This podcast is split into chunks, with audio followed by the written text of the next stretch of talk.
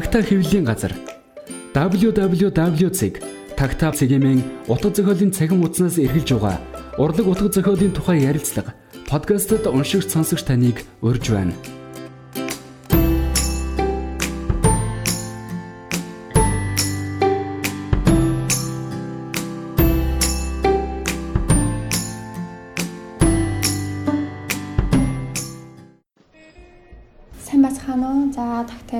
Газрын үүсгэн байгуулагчдын нэг Баяс Олон байна. За өнөөдөр бид нар подкастаараа нэлийн эрхэм хүндтэй онцгой магадгүй нэлийн ховор зочныг та бүхэнтэйгээ уулзуулах гэж байна. Энэ зочныг яагаад урьсан бэ гэхээр саяхан одоо хамгийн сүүлийн роман нь Сүнсний чомьёо нэрээр хэвлэгдээд уншигчдийнхаа гардаар очиод тун удаагүй байгаа болохоор шинэхэн романыхын тухай за ер нь бусад уран бүтээлийнхэн талаар. За тэгээд ер нь уран бүтээлчийн амьдрал уран бүтээлч хүн гэж юу юм бэ? Их мэтлэнгийн олон сэдвээр ярилцахаар ярилцлагатаа урьсан байгаа. Аа за бид хоёр нэг амралтын өдөр нэг кофе шопт уулзаад энэ яриа хөргөө хийсэн. Тэгэхээр тэгээ ярилцлагаа өмнө бид хоёр ягаад ч нэг пянцны тухай ярьж ирсэн.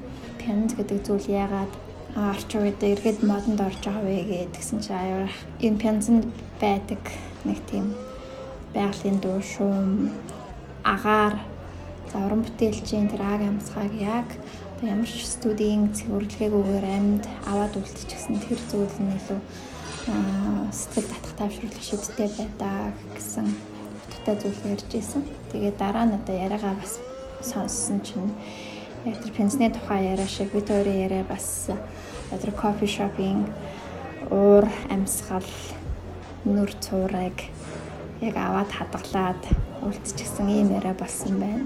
Та бүхэн бид хоёрын ярианы ард кофений машины түчих нэг чимээ аяг тавгны хангинах бусад үйлчлүүлэгчдийн хоорондоо хөөрөлдөж энэ чанах чимээг одоо сонсох байх. Тэгээд энэ бүхэн анхаарлаа хандуулахад яриагаа анхааралтай сонсгол жоохон чиртэй санагдаж байгаа өчий. Аа гэвч зочны маань яриа маш сонирхолтой хүн болгон сонсоосоо гэж хүснээр ийм яриа байсан учраас би ялуулах одоо тэр дуу шуумыг ис харгалзаад яриануудыг нь олох хэвээрээ үлдээхийг хичээлээ.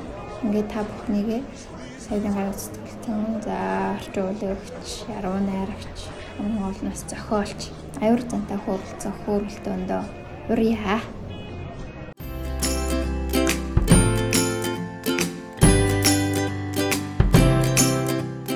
Үлдэх үг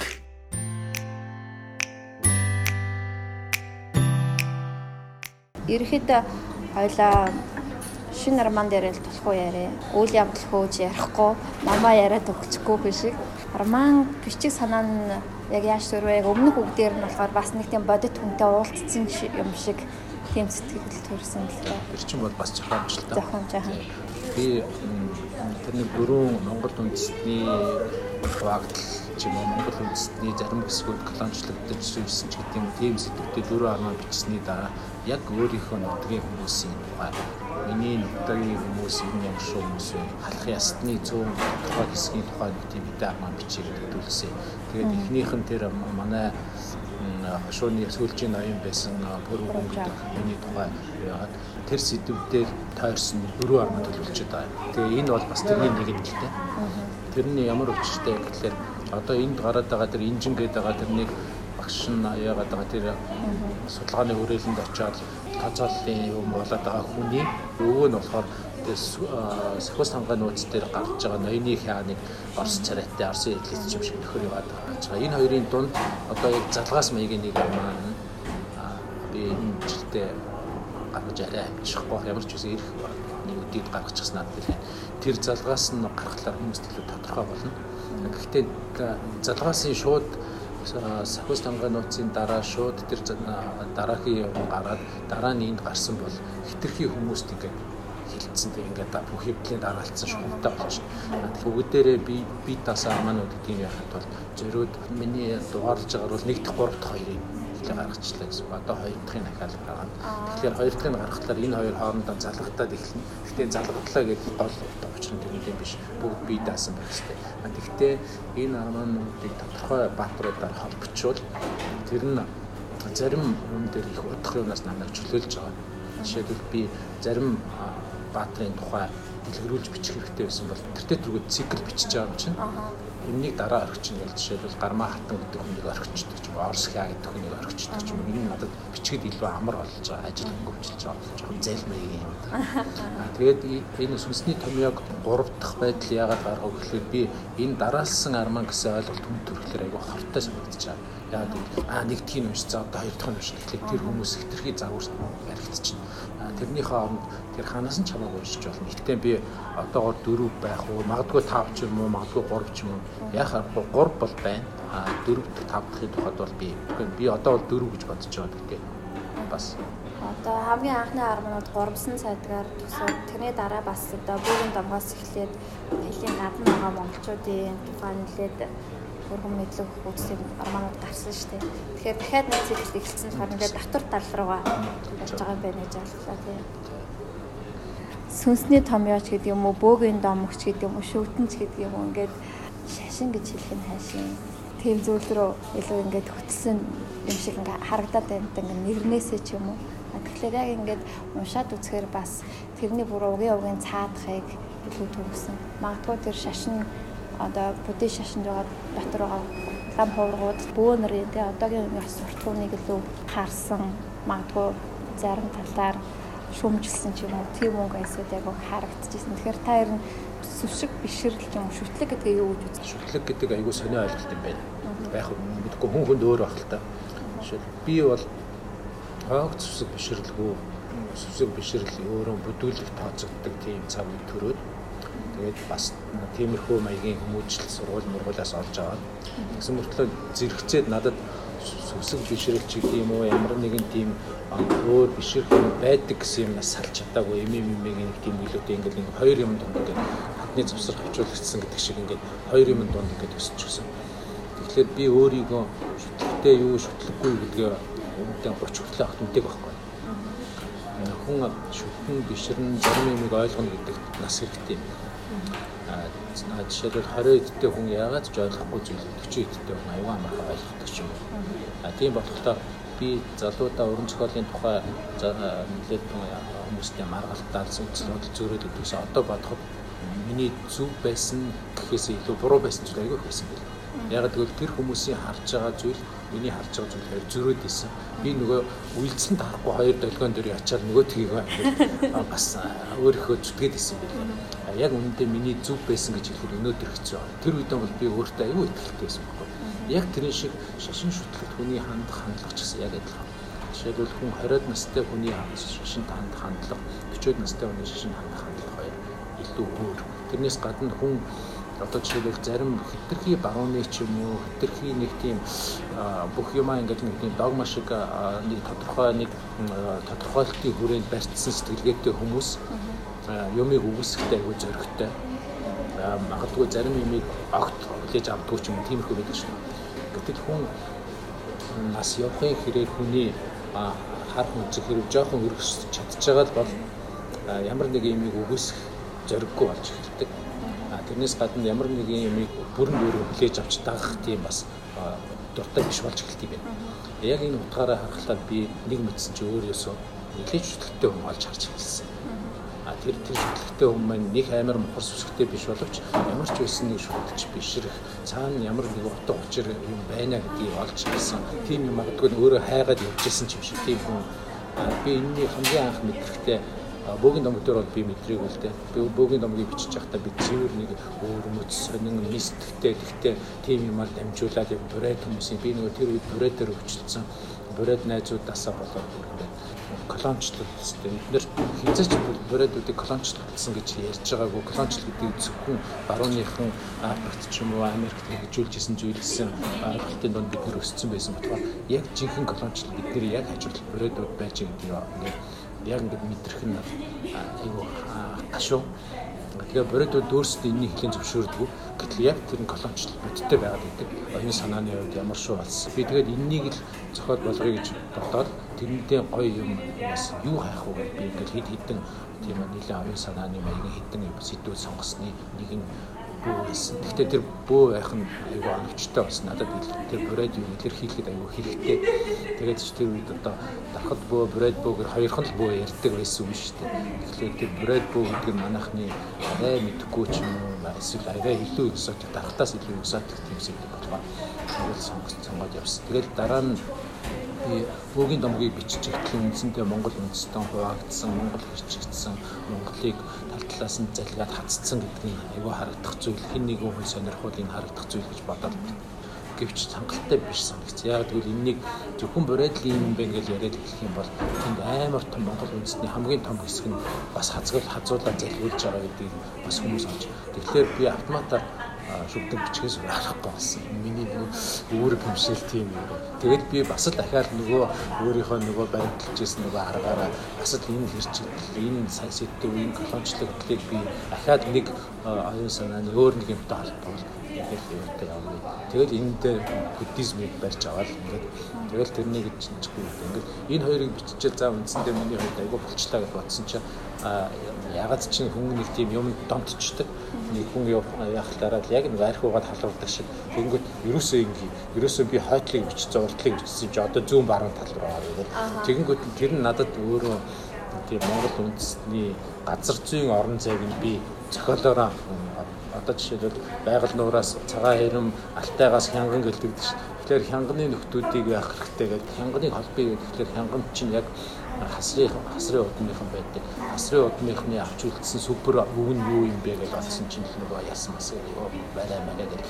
Тэгэхээр л нөгөөтгийг хамгаахтай гэж холбоо юмч найз дунд нь бас чи ийм бичээш баах юм ярьсан мэт. Нөгөөтгийг яаж байгаа юм ингээд гэртээ тэргөө би нөгөө баруун зүй хоёр юугаар бичихтэр баруун талын юу бол яах туйл байхаас зүгээр аргагүй өөр ч юм байгаа. Яг л энэ юусе халимаг өөлд торгууд гэсэн гурван ясны аль нэгийг сонгож аваад би тэгтээ нэлээд тийм романтик маягийн юм бичиж гэдэг юм те халуун өсгөөч гэдэг юм уу тийм армаа бичдэг ч юм уу гэсэн бодолтой байсан. Тэгтээ туйлтай холбоо. Тэг тэгж байгаа туйлыг туйлын тухай ер нь жоохон юм яаж үзийгээл би хилжинг гэдэг Шинжааны ардуудаар явж үзээл дараа нь ер нь халимгт очиж бичиж бичигсэн бодолтой байсан чинь санаандгүй хавдын булганы нэг алтан нутаг торгон нутаг гэдэг нэг клубийн залуучууд очиод манайд очиод суусан бол бид нар байрсан байсаа гаргаад бичих бичих болсон чи байна гэхлээр хацны юу тэр тэр үед болгон руу онгоцсон стресс. Тэгээд очиод нөгөөдөл хавтын болгоомч аймгийн төвшиг айгүй гойсон юм л та. Тэгээд тэндээ тэр клубийнхний нэг гишүүнийх нь эзэмшдэг зочд буудалд надад өөрөө гаргаж өгөө. Би ямар ч хүн төлбөргөө өрөөд нь суугаад өдөр нь нэг залуутай найз болцсон. Нөгөөдгийн бензинийг бас торгон нутаг клубээр хийж өгөө. Би нөгөөдг тийм. Ингээд айгүй гоё өөрөө бичдэг явж байсан. Иймэрхүү маягаар л тийм. Би тэрнээс шүгдэн бичээл болиё гэж бодож исэн боловч өөрөө тэгэл цаанаасаа дахиад тэрнийг дагуулмаар хоёр юм байна Тэгээд нэгэнт дөрөв болсон юм чинь за энэ дөрвөөр би үндсэндээ нэг л армаа бичээд хэлж болох байсан санааг дөрөв үе явлаа гэж би анхандаа жоохон санаа зовж исэн л да. Гэхдээ сүүлд нь дөрөв дахь судасны чимээг бичээд дууссаны дараа бодсон чинь би яг хэлэх гэснээр айгүй зөв хэлсэн юм шиг санагдсан. Яг тэгвэл нэг хэлэхлээр хүн өө ийм байт юм уу гэдэг. Хоёр дахь хэлэхээр аа энэ чинь ийм юм хэлж байгаа юм байна. Гурав дахь хэлэхээр хүн нэгэн энэ бүр асуудал тавиад ийм хин нөхөр яагаад тийм айгүй том юм чи. Тэгээ дөрөвдгөө хэлэнгүүд нөгөөд чинь энэ арай хэтэрлээ гэж бодлоо ч гэсэн. Би үнэхээр тэрнийг хилжтэй гэсэн юм шиг хилж гисэн үг болно гэж бодоод би хэдийгээр дөрөв дэх арман дээр цэвэр газар зүүн газар зүгээр балаа юм бодсон боловч яг үүндээ сүүлийн бүр дөрүл ингэ бичиж дууссаны дараа бодоход би тэр тэр өөрийнхөө бодсон санааг яг нэг мөссөн эхнээс нь дуустал нь бүрэн хэлж чадлаа гэж бодсон. Тэр зохиолуудын хувьд бол мэдээж дөрөв арманы хооронд харьцуулах нь янз янз л явах юм бол хэцүү юм бас би зохиолч хүн өрн зохиолоор дамжуулаад ямар нэг юм хэлэх хэцүү шүү дээ. Энэ бол баг боломжтой боломжгүй мэдэхгүй. Гэхдээ ямар нэгэн мессеж өгч болно.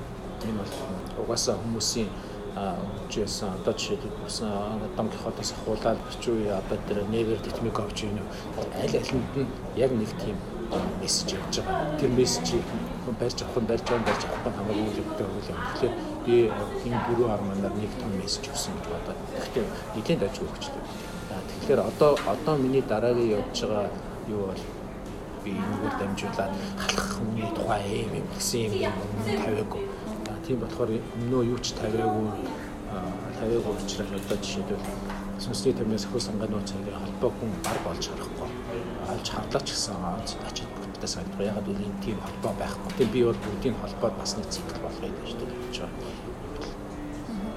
Тань газар зүүн байршлуудын тухай ярьлаа шүү дээ. Таны одоо Монголоос гараад судалгаа хийгээд энэ босоо тойрсон монголчуудаа ингээд тойроод ингээд роман бичээд явлаа. Яг энэ Монголын газрын зургийг хуучин байсан дуруу ингээд нэг чим чирээд ингээд татах гад байгаа юм шиг татаад яваад байгаа юм шиг аа. Тэгээд тэндээс ямар нэг юм зүйл олж сонсоод тэрийг боловсруулад зохиолчдод энд авчирхаар тэнд байгаа зүйлсийг бас ийш өмнөд цөөлөд ийш нь бас нэг хурааж цуглуулад байгаа гэдгийг мэдрэж сүрээд байгаа. Та энэ яг ямар ажил хийгээд байгаа юм бэ? Яг миний тэр дөрвөн арманы зорилго бол хэрэг зорилго гэж хэлж болохоор зүйл байгаа бол мэдээж би энэ чинь зүгээр онцгой юм хийж байгаа. Гэхдээ тэрний цаана энийг дамжуулаад би ямар нэг юм хэлж болох нь хэрэг болъё гэж байгаа бол би тэргээр юу хэлэх гэсэн бэ гэхлээр Монгол үндэстнийг арай хэтрүүлсэн байна. Энийг дэлхийн мэдэхгүй монголчууд амар хүчрэг байсан чинь гасан гэдэг хүн болгон мэдээлээд мөртлөө энэ үндэстнийг хитрхи үндэстнийх нь хувьд хэлмэгдүүлээ хайц энэ дэлхий ерөөсөө мэдэхгүй. Дэлхийч байтугай бид нар өөрсдөө ч мэдэхгүй. Бид бид нар өөр саяхан болтол мó хорчин гэдэг амар том Монголын тэргүүлэх систем байж гэдэг бид нар мэддэглээсэн шүү. Бид нар халахал бол Монгол юм шиг бусдууд нь баг эстэн ч гэдэг юм эсвэл юу ч гэдэг юм. Гэтэл үүндээ энэ үндэстнийг ингэж хэтрүүлнэ гэдэг бол мэдээж түүхийн явцад түүхийн нуглаанаас болоод амар эвгүй байдалд орж өөрсдийнх нь их ашиг орон зайд нь хэтэрхий өөр үндэстнүүд халтцсан тохиолдол дэлхийгээр дүүрэн баг. Гэтэ Монгол бол тэдний хамгийн топ жишээнүүд л нэг баг. Одоо жишээлбэл Палестины тухай хүн ярихад бүгд ойлгодог. Тэгэл Америкийн уугуул хүмүүсийн тухай ярихад ерөнхийдөө хүмүүс ойлгодог мөртлөө Монгол дэлхий дээр ийм супер дүүхтэй мөртлөө энэ тэтлээ доошоо орж ингэтлийн доромжлогдож ингэтлийн өөрсдийн хоёр ашгийг юу яасан гэдгийг хинч мэддэг. Тэгэхээр магадгүй нэгэн цагт Монголын уран зохиолд юу байна гэдгийг нэг хүн харах ч юм уу тэгж харах шаардлага гарахгүй баймаа гэхэд санаандгүй тохиолдлын байдлаар хин нэгэн хүн сонирхоод үзэх үед энэ өөрөө бас цаанаа явж гэсэн юм бодлоо. Гэхдээ энэ бол гол нь биш л юм мэдээж. Тэгэхээр ер нь эцсийн эцэст хүн Монгол хүн болж төрнө гэдэг өөрөө юу юм бэ гэхлээр аюу хачин зүйл байхгүй. Монгол хүн бол бусад ямар ч үндэстнээс илүү юм уу дутуу юм байхгүй ч нийл өнөөдрийн Улаанбаатар төрсэн хүүхэд хөгжим сонсоод кофе шоп дараад кофе уугаад удамжаар яваад ингээд яаж байгаа хүн тэр хүн үндэсний өмнө хүлээх хариуцлага мэтлэг байх Гэхдээ үндэсний өмнө хүлээх хариуцлага байхгүй ийм одоо орчин үеийн дэлхийн ямар ч залуу хүн шиг ийм маягаар амьдрын гэдэг нь Америк хүнд болж байна. Англи хүнд болж байна. За магадгүй Орос хүнд болж байна. Гэвч Монгол хүнд болохгүй. Тийгээр өнөөдөр Монголын жирийн дундаж залуу хүн жирийн Америк хүн шиг жирийн Япон залуу шиг амьдрах бүрэн эрхтэй боловч яг цаанаасаа энэ явж ирсэн зам бол тэр хүнд арай илүү ухамсартай, арай илүү ондоон бодолтой байхаас өөр аргагүй тийм нөхцөлийг тулгачихсан. Энийг бид нар өөрсдөө ч мэдлгүй төрөхтөл хүлээгээд авчихсан. Тэгэхээр бид нар энийг ухамсарлахгүй явж болохгүй. Яг тэгвэл за түүх үлэрсэн баларсан хайртай Чингис хаан маа ингээл цээжээ дэлдэх их орон ийм ийм гэл тэгэхээр хүмүүс бүгд санаа нийлээд харин тийм үү цээжээ дэлдээд юу муу гэл ингээл гэтэл үүндээ тэр цээжээ дэлдэхээс цаана бид нэр заавал цээж дэлдэх албагүй А тэрний цаана бид нар Монгол хүний хариуцлага байх хэрэгтэй. Тэр нь тэр нь бүр ухамсарын төв шин. А яаж энэ жижигхэн үндэстэн яаж ийм хоёр супер авар хамны дунд яаж тисэд үлдсэн энэ ч өөрөө айгүй нарийн зүйл шүү дээ. Тэгэхээр энэ нарийн юмны зүйлтэй одоо хинтэйгээр дэлхий тэр даяараа ингээл өөр бодолтой болоод одоо үндэсний үзэл санаач гэдэг юм уу тийм юм хоцрогдсон тооцогдоод ингээд үлдээжсэн. Эцээ эцэст хүн явж явж буцаад нөгөө өнөөдөр хөгжим буцаад нөгөө нэг ихний соронзон бичлэгээр өгөө явчлаа одоо өөр юу ч үгүй. Бүр амар супер төвчний гэрэл зурагчид эргээд хальсаар зураг авч ийн гэдэг шиг. Бид нэр явж явж явж их үндэс рүү буцсан. Их үндэс рүүгээ буцахлаар бид нэр эцээ эц нөгөө бид нарыг бий болгосон бид нарыг өнөө хүртэл яасан энэ нүүдэлчин сэтгэлгээ нийлэлчин оюун санаа энэ ахгүй энэ юу гэдэг зөвхөн энэ оронд яагаад энэ зөвхөн хээр талд амьдрах нөхцөл үүсийг энэ бүхнийг бид нар яг тооц эргэж бодохгүй бол зүгээр л Улаанбаатар нэг дэлхийн альч хотууд шиг нэг хот болоод бид нэр тэр дунд команда гараа игээл явж байгаас өөр ямар ч үүрэггүй болчих юм бол энэ үндэстэн ирээдүйг байхгүй.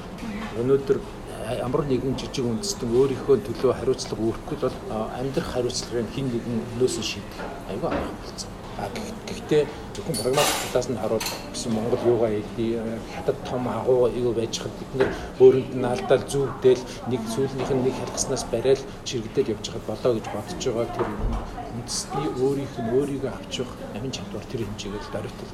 Тэгсээр гал байхгүй нэгэнд байхгүй болох юм бол нэг үндэстэн байхгүй болно гэдэг бол нэг хүн өгөх юм уу? Бүлэг хэсэг бүлэг хүн өгөх. Эсвэл магадгүй нэг бүл бүтэн соёл устгаас хамаагүй том. Сонс бид нар өнөөдөр өвөр Монгол яагаад байж өвөр Монголыг байлгаж байгаа хоёр хүн Чингис хаан гэдэг багтал байна. Монгол бичиг байна. А яг яг энэ шиг бид нэр тал талд байгаа бүх бүхрүүд алдал Монголч гэсэн өөр байхгүй.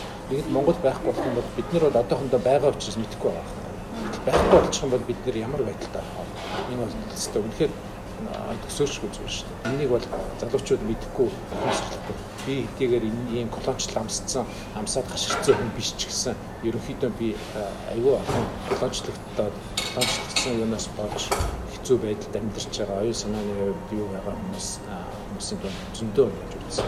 Бүрээд бүрээд жишээлбэл жирийн бүрээд үнд энэ хамаагүй. Гэхдээ бүрээд сэхэтэн ямар хэцүү байдг вэ? Өвөр Монгол арай тийм скеттэй оюун хүмүүс нь ямар хэцүү байдгүй.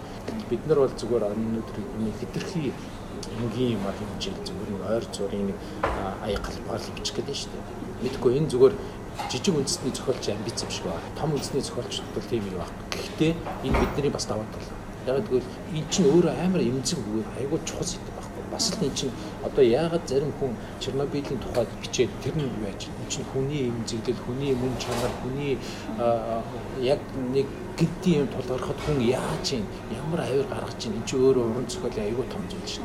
А гэтэл бид нарт яг энэнийг мэдрэх боломж нь байгаа жижиг үндэстэн байх том үндэстний занал хийлдээр амьдрах тэр занал хийл нь бодиттой бидний нүдэн дээр манай үндэстний зарим хэсгийг зарж байгаа. Энд чи өөрөө аягүй чухал Тэгэхээр ийм сэдвийг бас зохиолч нь зүгээр хаяа зав зав фак гэж хайчих болохгүй л дээ. Энэ сүнсний томьёор манай хамгийн чухал санаа математиктаач биш одоо тэрний гимтгэрийн сэжүүртэй ч биш ер нь явж явж яг энэ монгол сүнсний нэг том нэхэл байна гэж би харсан л та.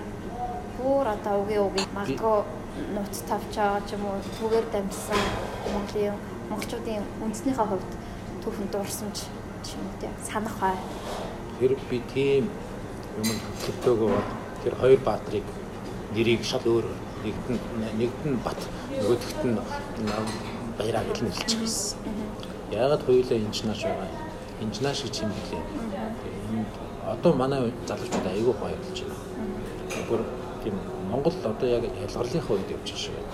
Бүр амар хүчтэй ялгарлаа нэг хэсэг нь бүр доошоо яваад нэг хэсэг нь айгуугаа дэше гараад одоо нэг хэсэг чинь зохиолч хүн уншигчтай ингээл уулздаг хэлээ лекц шиг юм ярьсаар гал хүмүүс ангасаар гал одоо мэдгүй манай зохиолч нар уншигчтай уулзалтын үед нэлээгүй байдалд орох гэж байна л да ягаад гэвэл зал уншигчтэн зохиолчтой хамаагүй л болсон.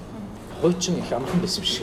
Баг миний батхад ягаад гэвэл юу ч бичсэн тэгэл юу яждаг тэр чинь урайль озож бичсэн болдог томхогч бичсэн болдог. Зүгээр юм зураглаад тоочсон ч болдог. Зүгээр нэг байгалийн юу одоо бидний байгмаа гах чинь чийч загчхоос нь мэдэх байх. Зохиол мөхөд эхлэхтэй а тэнд тэнд уулын оройд будан суугаад энэгээр нэг хоёр хөх тогроо явлаа ингээд явлаа гэдэг нь юу болчих байгаа мэдэхгүй Тэгтэл эндээс нэг морьтой хүн гарч ирээд давхаад ингээд явлаа. За нөгөө морьтой хүнээс ямар нэг явдал. Тэгсээр байтал тоосон замхраад алга боллоо гэх нөгөө нөрч юм явдггүй тийм байсан шнэ. Тэгтэл ягаад гэвэл тэр үед уран зохиолын тэр сайн бичих шаардлага байгаагүй.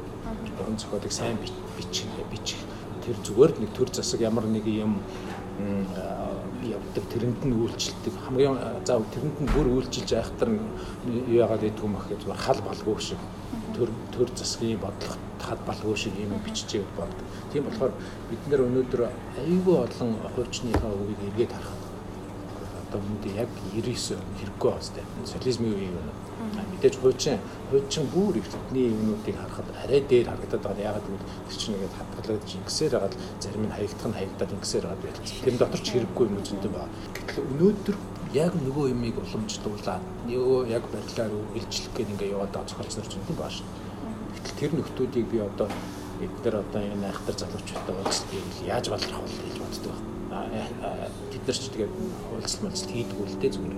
Ер нь тэгтээ бидний өнөөдрийн явж байгаа зам зохиолч хүмүүсээс аюу юм шаардж байна. Өнөөдрийн зохиолч аюу өөр байхгүй байхгүй.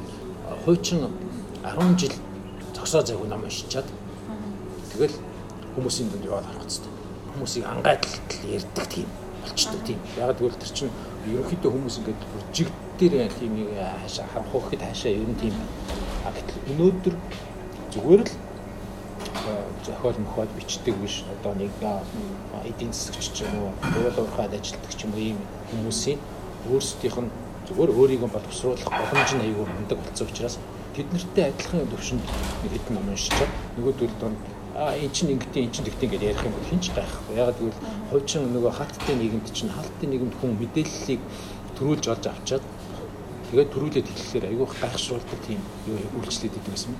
А манай намайг орс сурж байхад ч гэсэн жишээлбэл зарим хориотой номууд байна зөвлөлтийн систем. Зөвлөлтийн системд хориотой номуудыг төрүүлж олоод уншсан илүү мундаг хатдаг. Тэр бол ерөөсөө тэр хүний оюун санааны бядна биш. Тэр хүн хүртэх чадвар нь сайн байсан ч гэдэг юм. Тэр чүтэл айгүй инээдтэй яадаг вэ гэхээр одоо за Үлис байлаа гэж бодлоо. Үлисийг Горький сургуулийн номын санд ганцхан шиг очиж бичвэл. Тэгээд чагсаалтаар. Тэгэхээр эхний хүн аваад 7 хоногийн дараа өгнө ингэсээр тэр бүтэн семестр яваад үлээс шалгалт дээр шалгалт өгөх ёстой гэж бүтэн семестр яваад тэр хүн амжихгүй байхгүй. Тэгээд тэгээд амжихгүй учраас нөгөөдөг чинь явахлаа амжсан хэдэн үлээсэн гэдэг үлээсэн гэдэг гэхэл тэд ингээд тав ичдэг. Энэ социализмын нэг тийм нэгдүгээрт юмыг хэтэрхий хааж хорсноосоо болоод хүртээмжгүй болгочихсон муу тал. Хоёрдугаар нь ерөөсөө л тийм байх нь тухайн нэгэнд ашигтай. Гэтэл өнөөдөр бол тийм биш шүү дээ. Өнөөдөр хүн юу байна бүгдийг хинч гисэн. Тэр нэгэн зэрэг уншаад нэгэн зэрэг хилцэх боломжтой. Хиний юу ярьж байна. Энд чинь хүнийг аягүй сайн хөгжүүлдэг юм байна. А тэгэхгүй нэгэн тов очихлаар хинч хөгжихгүй.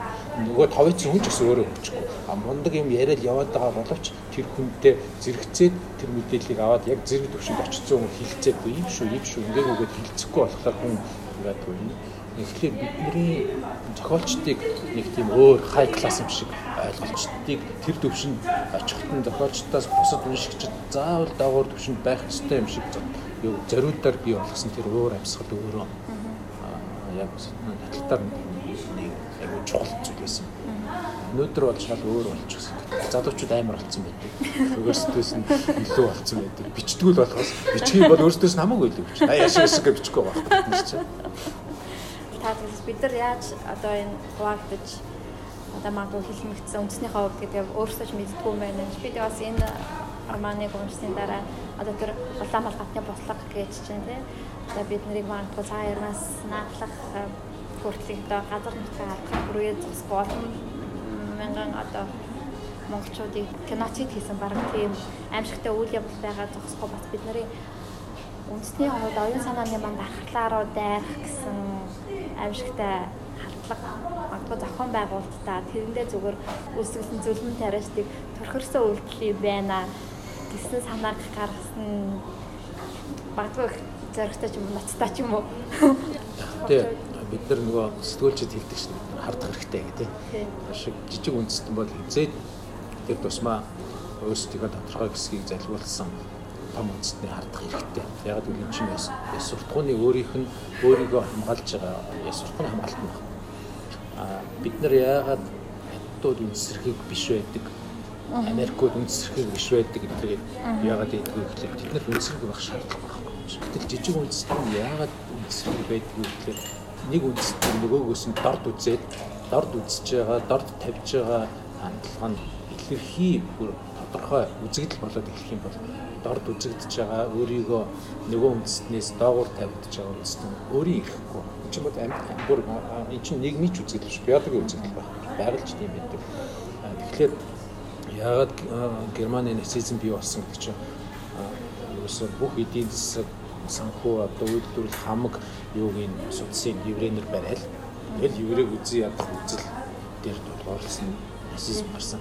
Энийг үндсэндээ тэр тунгийн бид нэр яаж ойлгох вэ гэдгээс болж байгаа. Тэгэхээр нацизм ярих нь утгагүй л дээ энэ чинь нөгөө бүтүүлэг бурангуй.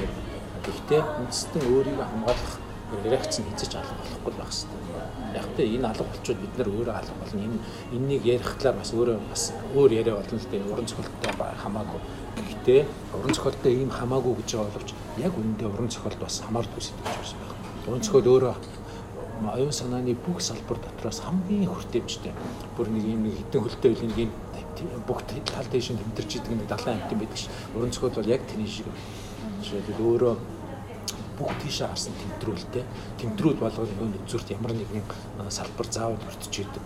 Тийм тийм юм. Одоо жишээлбэл бид нар энэнийг уран зохиол хизэнээс хийсэн гэж яахад одоо хамэр эртний туйс туйсыг одоо туйсын өөрсдийнх нь явж байгаа юм дотор амар айхтай хүний мөн чанар нийгэм улс төр тэдний тэр хор найруулж байгаа улс төрийн махинацууд явж байна. А тэгтэл одоо илүү одоо мөнтэй ч юм уу баримттай юутай холсон юм. Энд чинь бүгдээрээ цэвэр нөгөө нэг философи болон нийгмийн амьдралыг шүмжилсэн бүх юм явж байна. Тэгээд одоо Дон Кихот байна. Ямар амар нийгэм рүү хандсан, ямар амар гэдэг тэрчдэр одоо 20 дугаар зууны хамгийн супер орнууд ямар амар улс төртэй тийм. Тэгэхээр эн чинь улс уран зохиол гэдэг өөрөө аюулгүй том хүртээмжтэй салбар. Өнөөдөр яг тэ бидний харж байгаагаар үйлдвэрлэл гэдэг агуу юм, эдийн засаг агуу юм, IT, технологи агуу юм, уран зохиол бол хог юм гэсэн үзэл айгүй юу штэ. Гэтэл яг үнэндээ энэ бол бас тодорхой яг нэг шашин ханддаг шиг насны юм.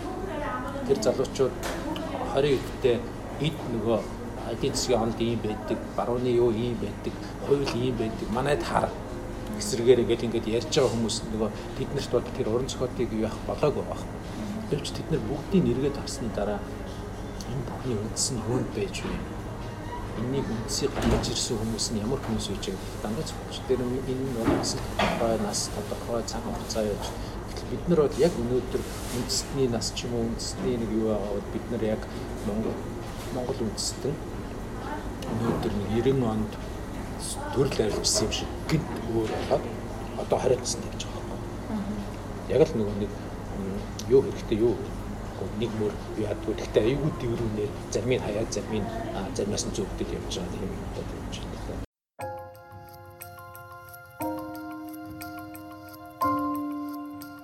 Номыг овоолж байгаад шатаахаас ч илүү долоондор нүгэл бий.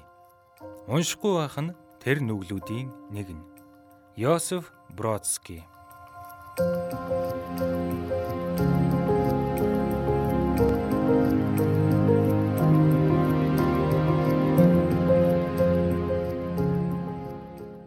таны айгүй хардсан юм байна.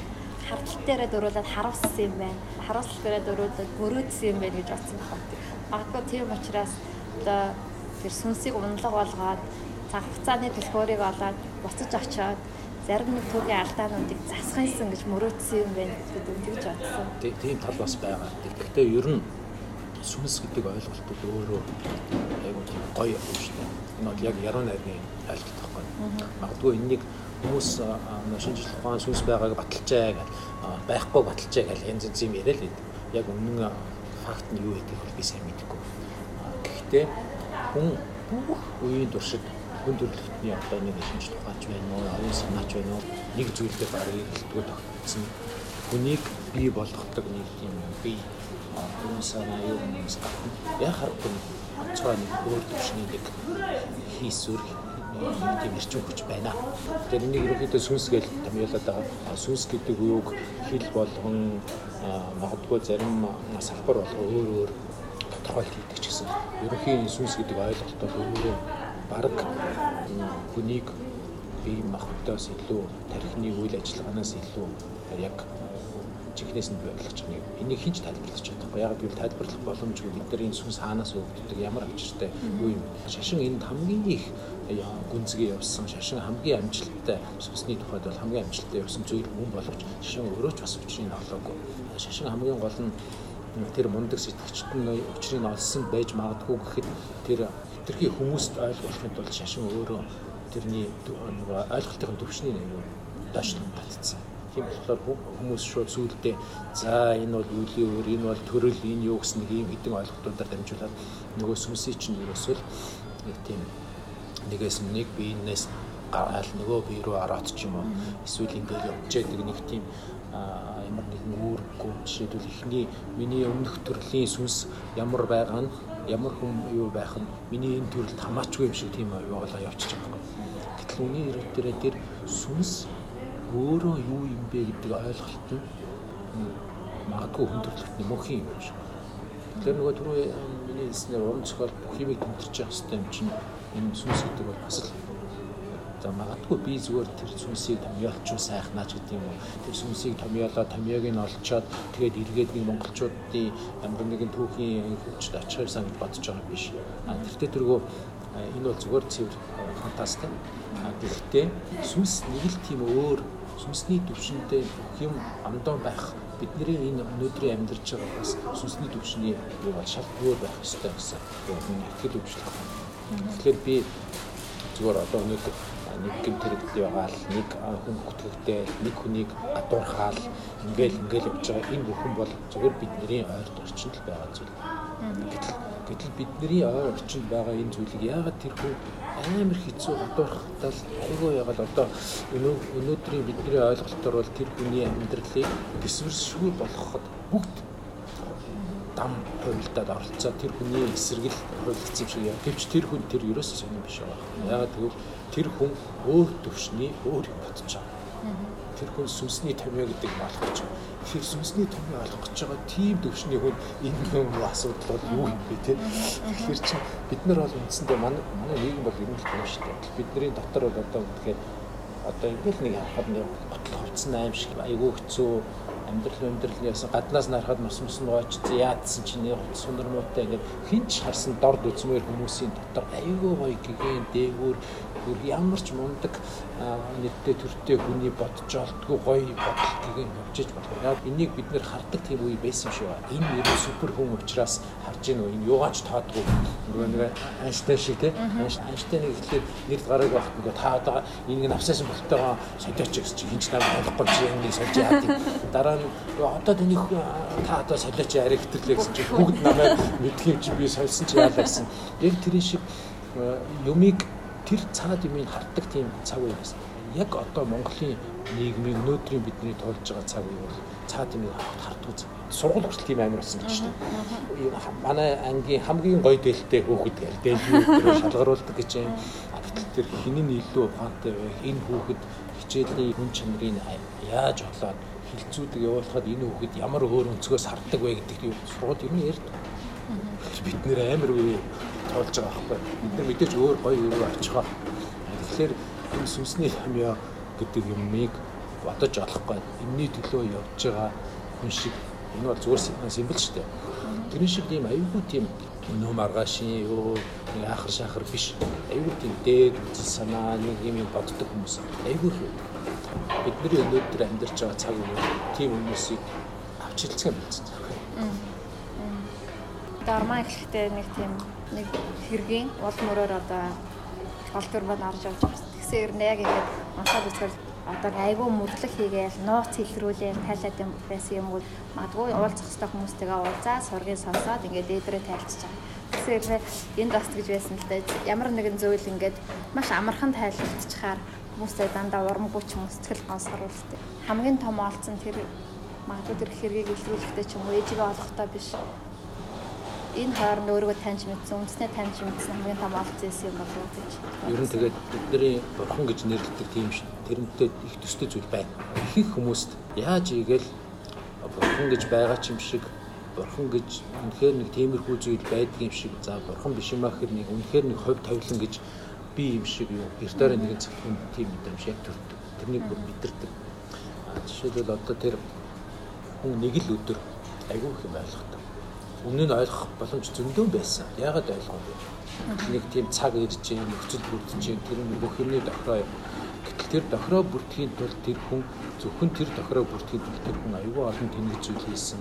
Огт тэнэг зүйл хийхгүйгээр хичээгээд явсан ч гэсэн өөрөө тэнэг юм байсан.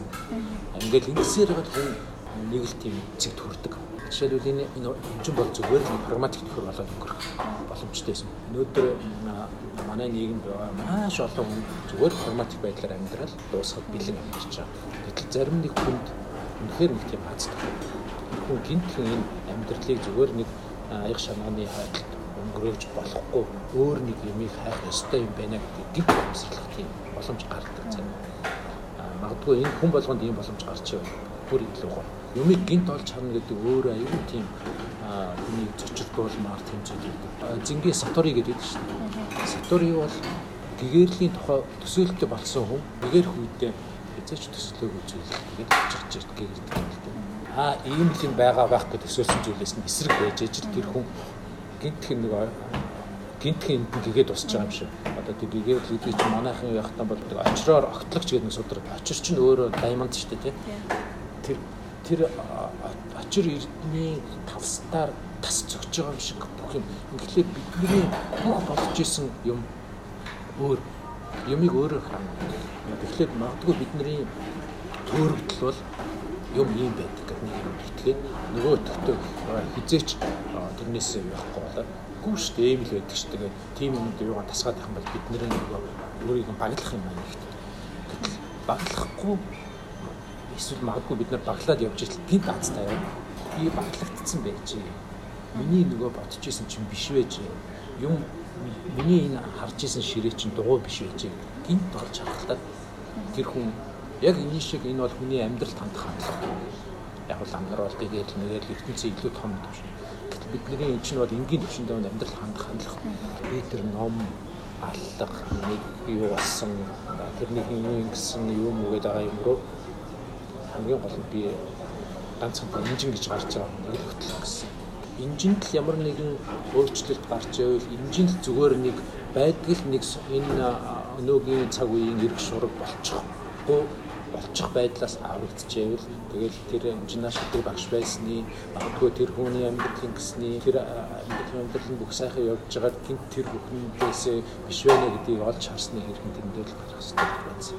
Гэтэ мэдээж зохиолч өөр бас хэцүү яг ийм байх ёстой гэж бодоогүй байж итл өөрөө тэр бодлыг бичиж байгаа хувьд бий болгочтой. А бас ий байвал зүгээр юм уу гэж бодож исэн юм заримдаа бүр тэрнээс гажаад алга болчтой. Тэгэхээр бол ерөнхийдөө хүн ном ном бичиж байгаад бичиж дууссныхаа дараа юу бичүү гэдгийг ойлгоход л байсан лээ. Хугацаа орд юм. Жишээлбэл хүн нэг юм бичиж дуустлаа гэхэд сарын дараа эргээд байхад зарим юм болоогүй, зарим юм бодсноос өөр болсон болоогүй гэж бодсон зүйлийг залруулах хэрэггүй ч юм уу бодсноос өөр бас энэ буцаах бас шаардлагагүй ч юм уу энэнийг бол мэдгүй. Тэгэхээр бас би нөгөө ахаал нөгөө фаталист юм ярих гэдэг дээ. Бас магадгүй энэ бүхэн цаана хүн хувь заяатай байдаг адилхан ном хувь заяатай байдаг. Тийм байх боломжтой. Google номын дээр та хэлсэнс үг гэдэг өөрөө бас нэг онгод юм аа. Үг яаж бичигдэх ямар гэхэд баг өөрөө сонгоод гэсэн. Ер нь тийм баха. Ер нь тийм баха. Буугийн дамаг бичиж ихсэр магадгүй онгодын тухай сонгоё уран бүтээлийн онгодын тухай бодол өөрчлөгдсөн үү? Ер нь өөрчлөгдсөн шүү. Би буугийн домгийг анх би хата би буугийн домгийг бичнэ гэж ер нь бодоогүй. Нэг горомсон цадгийн сүүлчий дээр цоноос төрсгийн гисийг л тэгэл ортныгээ хотчих. Цоноос төрсдийн сүүлийн бүлгийг би нэлээд урт бичгээр байсан байна Тэгэл нилээ урт бичих гэж чинь хинтхэн айгүй хөндийн төв нь алдчихчих гээд байна. Яг тэгэл ингээл төгтгөл хэдийн богдхон бүлэг явьжсэн нэг бүлэг нь амар урт болчихлоо нэг хаашаа хийдэг талаасаа гулцаагаар явчих. Тэгэхээр энэнийг баг ингэж болохгүй байна.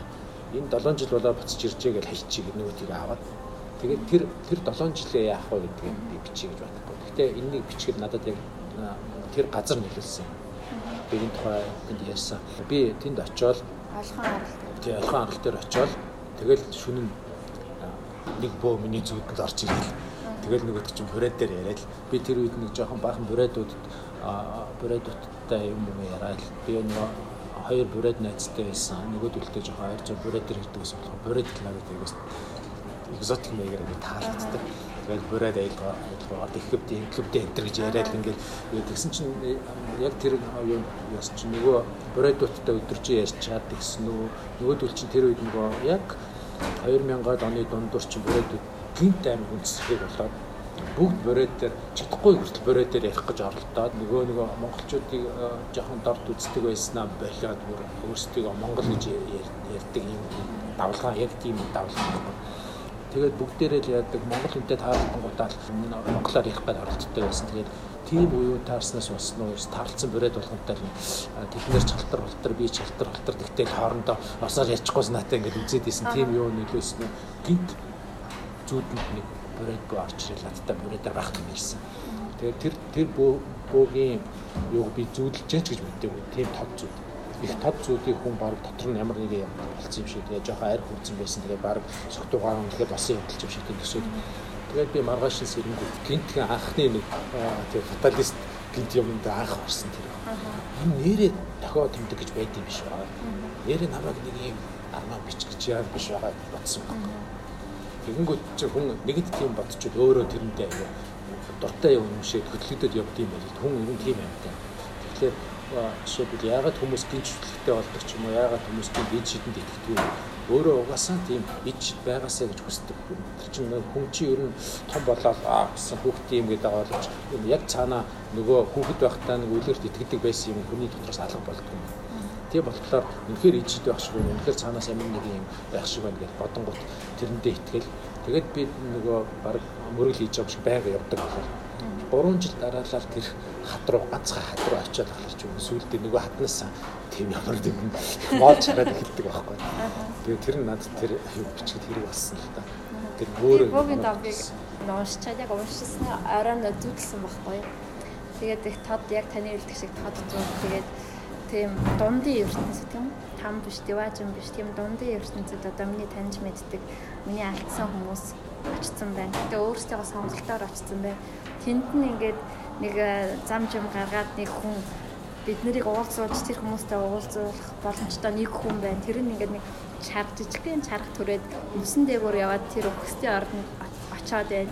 Тэгээ намайг тэр чарган дээр суух уу гэд мөсөн дээгүр явуулах гэдэг нэгэд би зүгдэлсэн байхгүй. Айгуу та тэр зүйлээс мартуун. Тэгж зүгдэлчээд магадгүй нөгөө нэг цохолын гол атар мөсөн дээгүр альтар чунаад яваад байдагтай холбоотой шүү. Тэгээ зүгдэлчээд надад ингэж тод зүйл ирээд ингэж мэдрэгдэж байгаа юм чи аюурахад ямар нэгэн дохио тэмдгүүд заавал дахин дахин үзэгдсэн байж таарна гэж бодсон юм л та.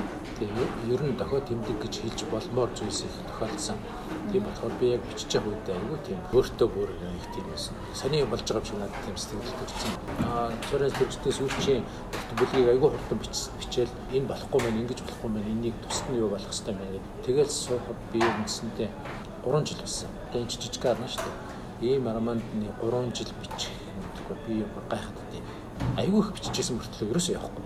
Тэгэл айгүй гоё амттай бичигдэл айгүй гоё бичээл. Тэгсэн мөртлөө дараа нь эргэж уншаал за энэ хэсгийг болчихъя гэл ингээл 7 жил 7 жил юм гэж чинь дээрээ л мэдхгүй би аль нь ч бодож олоо байх. Гэвэл цаанаасаа л надад төгөн хэлсэн юм шиг тийм санагдсан. Тэгээд энэс өмнө би бурамсан цайдгийг бичиж байхдаа би ямар нэг юм зохиогоод юм гэдэг мэдээд итгэсэн байхгүй. Энэ дээр бол би мэдхгүй баг юм зохиог зохиохгүй байгаа юм шиг санагдсан би сүүлд нь бичиж дуусныхаа дараа эргээд уншсан чинь айгүй олон хэсэг би юусэн мэдчих. Би өөрөө ч санахгүй. Тэр чигтээ би зарим нэг ганц нэг хүмүүстэй бөө судалдаг, бөө сонирхдаг, өөрийгөө бөө гэж нэрлэдэг хүмүүстэй яваад юм бичсэн. Тэд нар надад ямар ч хэрэгтэй юм биш үү?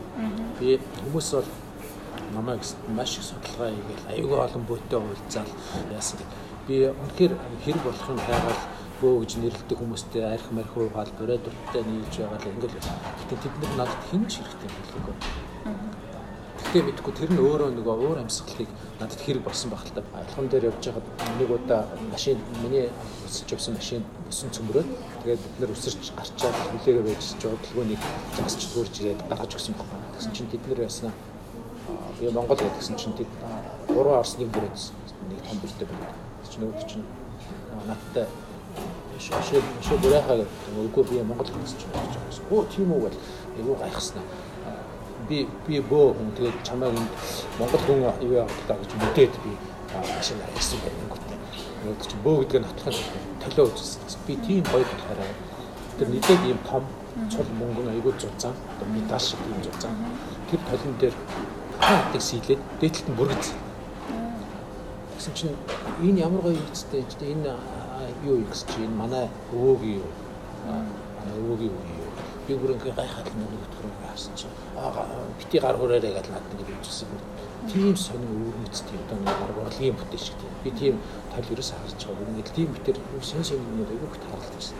Тэр мэдгүй тэр нэг асуугаа яасан чинь хүмүүс надаас энэ бөөгийн домгийг яах айгүй олон бөөттэй уулзаад айгүй домк цуглуулаад нөгөөдүүлийг бүгдийг ингээл өрж тавиал тэгэл доор нь цавсрах цагийн зүлгүүртэл зохиомжлол ингээл хийцэн байна. Тиймэрхүү бодолтой байд юм шүү. Яг өмнөд нь би баг яг тэр үед би өөрөө нэг нөгөөдөлтэй бас хайрцаг хэрэгтэй гэж тойл олоо зүвтсэн. Тэгэл нөгөө нөгөө нэг таа гэдэг ахнаар тойл хийлгэсэн. Өнгөн тойл хийлгээ. Тэгэнгүүтээ би нэг юм юм бичиж байгаа надад тойл хэрэгтэй байна. Нэг таа гэсэн чинь нэг нэг тойл хийж байгаа. Тэгээд нөгөөх нь манай нэг эмээ нэг юм боовч мөгч байсан. Тэрийг юу яаж эвдүүлж юу яаж байгаа тойл хийлгээ. Нөгөө толио яваад би бас бөөн шүү гэхэлэр нөгөө арх ууж байгаа нөхдөд чи бас арай гайгүй харцаад бас юм. Тэгээд тийм маягаар яасан. Тэр мөрөнч нөлөөсөн үү гэхгүй. Айгуу тийм цаанаас юм шиг сонирн бичсэн. Гэтэ энийг ингээ яриулж жоохон нөгөө жоохон соёлтой боловсралтай нөхдүүд энэ ястай нэг өдөлгөө бурангууд хөрөөл байх л та. Богино номгийг одоо бичиж байх үеийн та дараа нь одоо магадгүй шүгтэн ч юм уу? За сүнсний томыг бичиж явах үе. Би таны нэг ярилцсанаар би өөрийгөө буддист хүн гэж хэлнэ гэж энэ энэ буддист та. Энэ одоо будди буддийн шашин нэлээд сүсгтэй энэ зохиолч. Бүгийн номгийг бичих үеийн тэр энерги тэр дохой тэмдгүүд юу гэж тайлбарлах вэ? Ер нь юу юм бэ? Лээ? Юм яг энэ бүгдийн системчлээд өөр өөр системд оруулаад өөр өөрөөр ойлгуулснаас өндөө яг цаад юм бэл нэг юм бэл. Жишээлбэл тэр шүгдэн гэж шүгдэн бол бэлгэдлийн нэр шүү дээ. Шүгдэн гэдэг үг өөрөө дорж шүгдэн гэдэг үг нь очрыг барьсан төгс хүчин гэсэн үг юм л л дээ. Тэгэхээр тэр очрыг барьсан төгс хүчин гэдэг үг нь өөрөө надад их гоё санагц. Яг тэгвэл миний тэр Олбаатар болгож авч исэн бодиттой дүрээс их авсан хүмүүсийн нэг хүчин төгс гэдэг нэртэй байхгүй. Тэгэнгүүт нь би хүчин төгс хахад хэлсэн байхгүй. Таны нэр чинь баруун төв дээр шүгдэн юм шүү гэдгсэн чинь тэгээд чинь тэр шүгдэн гэдэг нь яа гэдэг гэхлээр бай нэг ийм сахиус байдаг нэг гэдэг нэг очир гэдэг чинь өөрөө яг нэг алмаас тэр алмас ирдэг. Тэгэнгүүт очрыг амар их хүч ингээд барьчихлаар тэр гэрэл нэрлэн цацрахгүй болно шүү дээ. Тэр одоо даймонднаас амар гой гэрэл цацрдаг бол тэрнийг асар их хүч байна. Тэгэхээр энэ очрыг барьсан энэ асар их хүч гэдэг би бэлгэдлийн нэг бол өөрөө баг бичиг чиглэхээс ч өмнө нэрийг бодод болж яагаад гэвэл энэ өөрөө хятад гэдэг үг болж ирсэн байхгүй. Монгол өвөр монголчуудын ямар тэр саманд лам шиг ямар мундаг тэгээ хүчин төгсгөө шиг ингээд аюулгүй тийм юутай ажаа гэгэн шиг сэрдэг гэгэн шиг ийм ерөнхийдөө л нэг гэгэрлийн ариун хинт ч халбалгүй дандаа ариун зүү замаар явах гэж байгаа юм хүмүүс аюул гэрэл цацж гоё юм барьсан байхгүй. Тэгээд магадгүй энэ бол шүгдэн гэдэг бол хятад гэсэн утга юм аа гэд бид энэ ийм символический нэр очоод аюул гоё болж байна. Тэгээд сүүлд нь бичиж байгаа явцдаа нөгөө төрөг албахын төв шүгдэн болдог юм. Яг тэр үед би ажиг ихэд анх 2006 онд Индиана үлзий үедээ онцлог хийхэд анх танилцаад тэгээд бас анхнаасаа л тэр хүн тийм өөр гоё байсан. Миний тэгээ ховь тавиланч байдаг юм уу дараа нь нөгөө англ дээр гарсан номын 6 залуу 6 бүлгийн нэг нэгээр нь орчуулад явахлаа 6 өөр хүн орчуулж гарч явах өөр болно ш. Нэг өнгөст оруулах хэрэгтэй би редакторсан. Тэгэл дараа нь би баян горч санаандгүй явж исэн чинь манай тэр аймгийн төвийн хайдлт нэг болохоор тэрний юм дээр гэдэг санаандгүй би хоёр дах хүүхдтэй ээлжтэй дөрүүлээ нэг болохоор ингээл гарсан чинь орой дээр нэг лам хүн зогсож байгаа. Яваад ирсэн чи хажаа гэх ийм маягаар айгүй олон тийм байдлаар ингээд яатсан. Хажаа гээ хатад байхдаа нэг хийдийг бүр баларсан байхад амар гоё болгосон гэх тийм юу ярьдаг гэсэн манай ламдар батал тийм ярьдаг гэсэн. Тэгэл тэр баларсан хийд гэдэг нь нөгөө гэлбагийн ёсны агуу 6 хийдийн нэг гүмбэм Тэгэнгүүт тэр гүмбнийг очиж үзэх хэрэгтэй юм аа гэж очиод гүмбэнд очиод гүмбэн байрлаад гүмбэн дотроо бас нэг зочдлуудтай гүмбэнд байж байхдаа ажиг гэгэний тухай би нэг хамт баян борт авахсан Америк авахсан 200 нэлээ олон хэвлээд кремалцсан. Тэгэл таалцсан лам Монгол амнарт өгөөл нөгөөдөл чинь бишрээд би тэрнээс кайф аваад ингээд хэрэгтэй. Тэгсэн чинь нөгөөдөл намайг ажиг гэгэний Тэгээд хамт авсан зургатаа ослоо. Айгүй гэхээр надад айгүй гоё гоё юм дээ. Тэгээд тэр нь бүр миний амьдралд нөлөөлсөн. Тэр жишээ нь яасан гэсэн чинь би айгүй олон жил спортоор хичээлдэггүй, арх хэтрүүлж хэрэгэлдэг, хөдөлгөөнгүй юм хүн чинь ингээд би нь муудаад тэгээд нуруу нурууны өнөөлт өгөөд ингээд ягаад тэгэнгүүт нөгөө гүмбмийн ламдар надад мөргөл зааж өгөө Тэгээд би баг аппликейшнд авах гэж байгаа нөгөөдхөө болсон ч гэдэг юм. Ингээл иймэрхүү маягаар ингээд цаанаас юм аягүй сонь сонь юм. Ер нь миний итгэл юм шиг л бол яг юу би өмнө нөгөө зин ингээд бас жоох юм сонирхдаг бас бяцлал маслал сонирхдаг нөгөөдх нь би бяцлаглын гэж зингч шашин гэдэг утгаар биш. Цэвэр нөгөө оюун санааны дасгал гэдэг утгаар хардаг байсан. Тэгсэн чинь нөгөөдөл илүү миний нөгөө нэг цэвэр оюун санаа манай гэж нөгөө боддог юм чинь илүү яс заншилтай, зан үйлтэй магадгүй ямар нэгэн зүйлийг шүтэх бишрэх тийм юутай тэр хандуулбал би өө би чи эсвэл өө мишгэл бас нэг юм байсан. Тэр үед чи би 40 ажил хийжсэн. 40 хүрээгүй байсан бол бас тэр PD орчин ч юм уу тэгээд сэлдэг гэмэгэд уулзсан юм уу бол гайхан гайхамшигтай л да би замын шүтэн дотор оруулсан.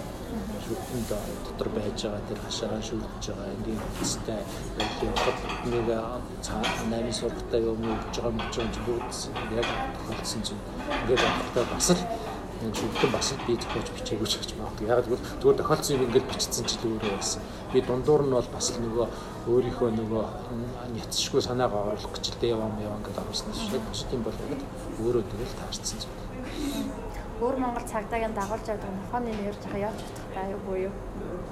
Тэр бол яг хоо ерөнхийдөө сэний шүтэн бас хятаддаг гэдэг.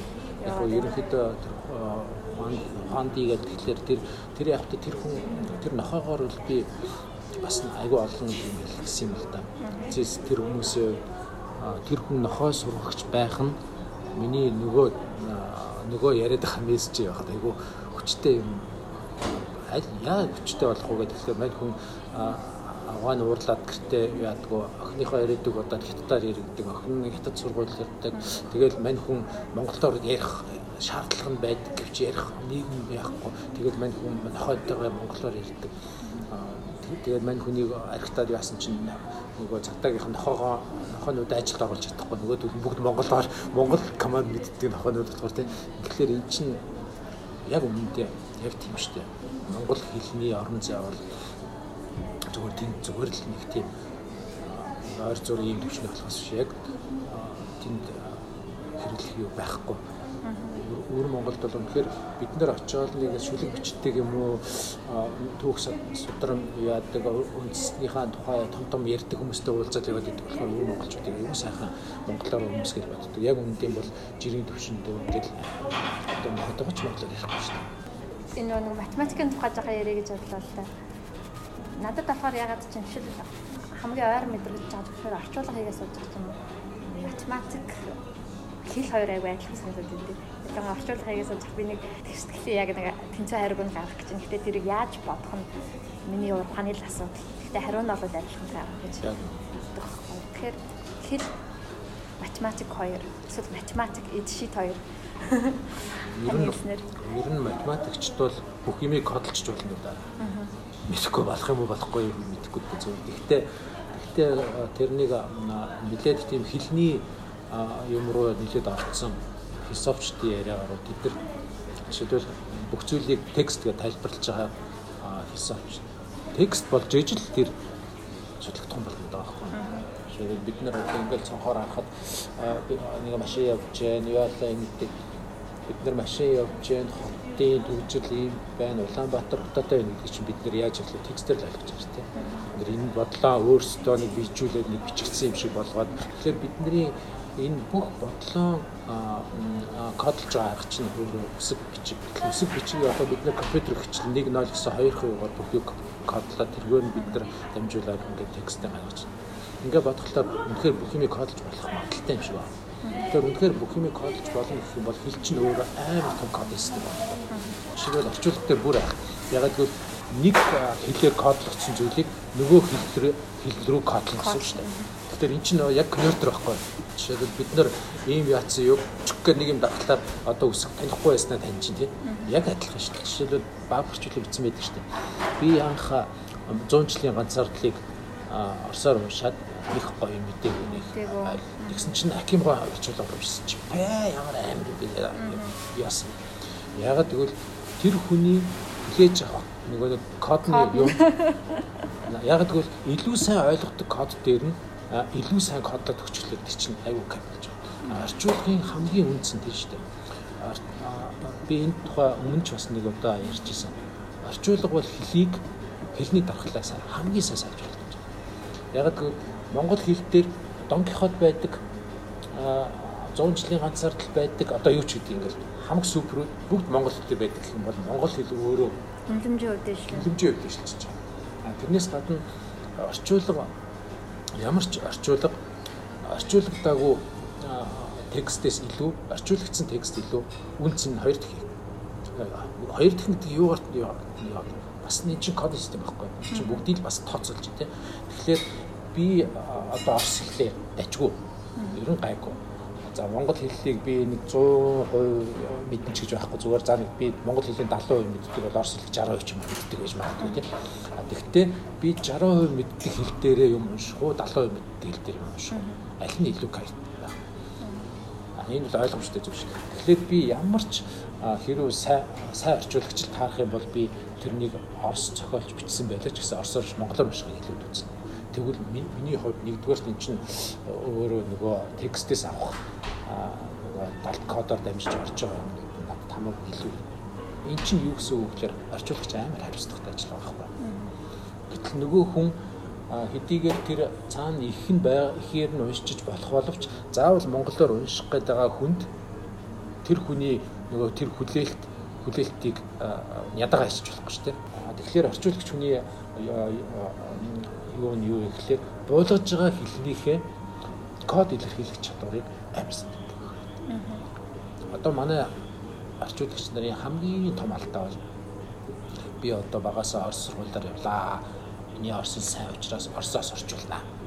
Би бол ер нь Америкт яасан ингэсэн одоо англиас юу ч орчуулчихна гэдэг. Тэгээд нэг за ганц хоёр удаа хэлмэр чийгүүтээ нөгөөтгөл болонгот ном орчуулах гэсэн хүн бүр аимшиг. Ягаад гэвэл нөгөө хоёр хэлний кодын бүтцийг ингэнэ гэдэг чинь өөрөө энэ чинь бүр нарийн томьёолбор байхгүй. Тэр томьёолборыг хийхин тулд наад кодын бүтцийг мэдэрдэг хэмжээний монгол хэлтэй байна. Тэгэхээр нөгөө монгол хэлний дархлааг сайжруулах биш монгол хэлийг алж байгаа байхгүй. Тэгэхээр орчуулагч хүмүүсийн одоо манай энэ мундаг мундаг орчуулагч төмөр хөдлөхгүй айч гэх юм уу, кемгой энэ мундаг нь юундаа байсан бэ гэхлээр над кодолж байгаа хэлнийхээ яг нөгөө програмчилж байгаа хэлнийхээ кодыг төгс мэддэг. Тэгжээч л одоо бидний үеийнхэн яаж уран зохиол дуртай болсон хүмүүсийг орчуулсан гэж байна. Бидний үед яг үнэндээ монгол хэлээр монгол зохиолчийн бичсэн үнцэнтэй ном бидний байгуулт байгаагүй. Бид нэр хүүхдээ байхасаа ахуулаад орчуулганд уншиж байсан. Тэр үеийн орчуулга сайнтай муутай тэр үед ч одоо бас муу орчуулагч зөндөө байсан. Гэхдээ унших дадал суужглаар хүн өнөөдөр ч гэсэн муу орчуулагч гэсэн. За энэ цаатал нь ийм байна. Аа уншаа сурчдаг. Яг гэвэл тэр чинь нөгөө кодлох юунд бас суралцсан байгаа байхгүй. Гэтэл өнөөдөр юу ч уншиж сураагүй, юу ч унших дадал суугаагүй хүнд анханаас нь нөгөө кодын алдагдaltaй орчуулгууд өгөөл явах юм бол тэр нэг шууд номноос буцаа. Тэгэхээр энэ айгуу тийм боловчтой зүйл байна. Хамстай бид нар энийг зохицуулж чадахгүй л дээ. Харин тийм тийм. Сайн зохиол орчуулгын бас нэг э, чухал юм нэг э, агуусууд төрөлтийн санааны кодууд дээрэс нь илэрхийллийн кодууд монгол хэлэнд дахиж орж ирж баяжуулдаг тийм. Тийм. Одоо жишээлбэл монгол хэл орчин үеийн Монголын уран зохиолын хэлийг төлөвшөхөд орчуулга амар болсон. Жишээлбэл одоо ингээд бид нэр ингээ харахад айгүй олон гайхалтай зүйл нь монгол хэлний өнөөдрийн бидний илэрхийлж байгаа айгүй бүтц орсолтой байна. Яг тэгвэл дандаа орсоос авчулдаг гэсэн болохоор зарим үед баг өгчлээд махчлаад туучдаг. Сүүлдээ нөгөөдг нь ихэндээ чи юу юм бэ ойлгохгүй байснаа нэг үе өнгөрөхөөр бүгд ойлгодог болоод ахаад нэг үе өнгөрөхөд язгуурын Монгол найруулга юм байж гэсэн ойлголт суулж байгаа. Гэхдээ энэ сайн муу тал аль аль нь байна. Гэхдээ яг тэ бас нэг талаар энэ чинь хэлний хөгжил а мэдээж дарайтал байгаа тал бий. Гэхдээ яг одоо бид нэр 13 дугаар зууны хүнтэй юм ярилцвал эхлээ ойлголцохгүй шүү дээ. Дөнгөж 40 онд салсан өөр монголчуудтайгаа ойлголцох гэж бас нэлээд болж шүү дээ. Тэгэхээр чинь бол тэгэхээр хэл бол өөрөө тасралтгүй хөдөлгөөнд явж идэг, тасралтгүй хүчж идэг, магадгүй зарим нь урагшилж идэг, зарим нь хайшилж идэг тийм зүйл.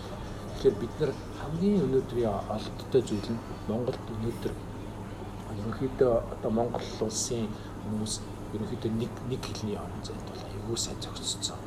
Бид нэр урайдч бай, дөрөвдч бай одоо бүгдээрээ нэг тийм төв хатгай аялгаунд суурилсан Монголын уран зохиолын нэг хүн болгонд ойлгомжтой нэг хэлэн дээр аюул сайн бий болсон.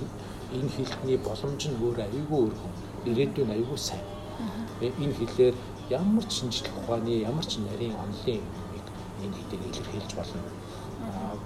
Одоогийн бидний ярьж байгаа хэлээр илэрхийлж болохгүй шинжлэх ухааны нээлт орчин үеийн сэтгэлгээ философийн гүнзгий өгч байхгүй. Тэгвэл зарим хүмүүс угсан бас монгол хэл энэнийг хэлж чадахгүй. Уг нь энэ чинь энэгээр байх хэрэгтэй орчуулах хэрэггүй. Тэр хүмүүс чинь бол шууд хэлэндээ дас гэсэн болгоно гэж байгаа байхгүй. Яг үний хэрэгээр бол монгол хэлний өнөөдрийн боломж аюулгүй сайн. Энэ шиг ийм сайн боломжтой хэл мөн дэлхийд супер том хэлүүд л байна. Тэгэхээр бид нар яаж ч яваад мэдхгүй 20 дугаар зуунд аюулгүй сайн цэгцэрсэн системтэй мундаг хэлтэй болчихсон.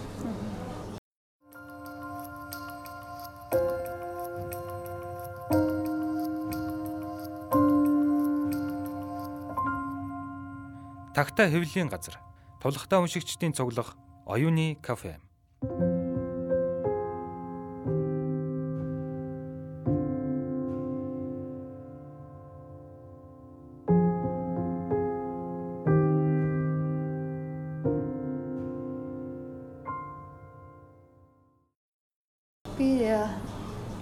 Бурхны тухай бодохоор би бас тань шиг одоо зүсэг биширнэл юм яг нэг тишээ болсон хүн биш л дээ.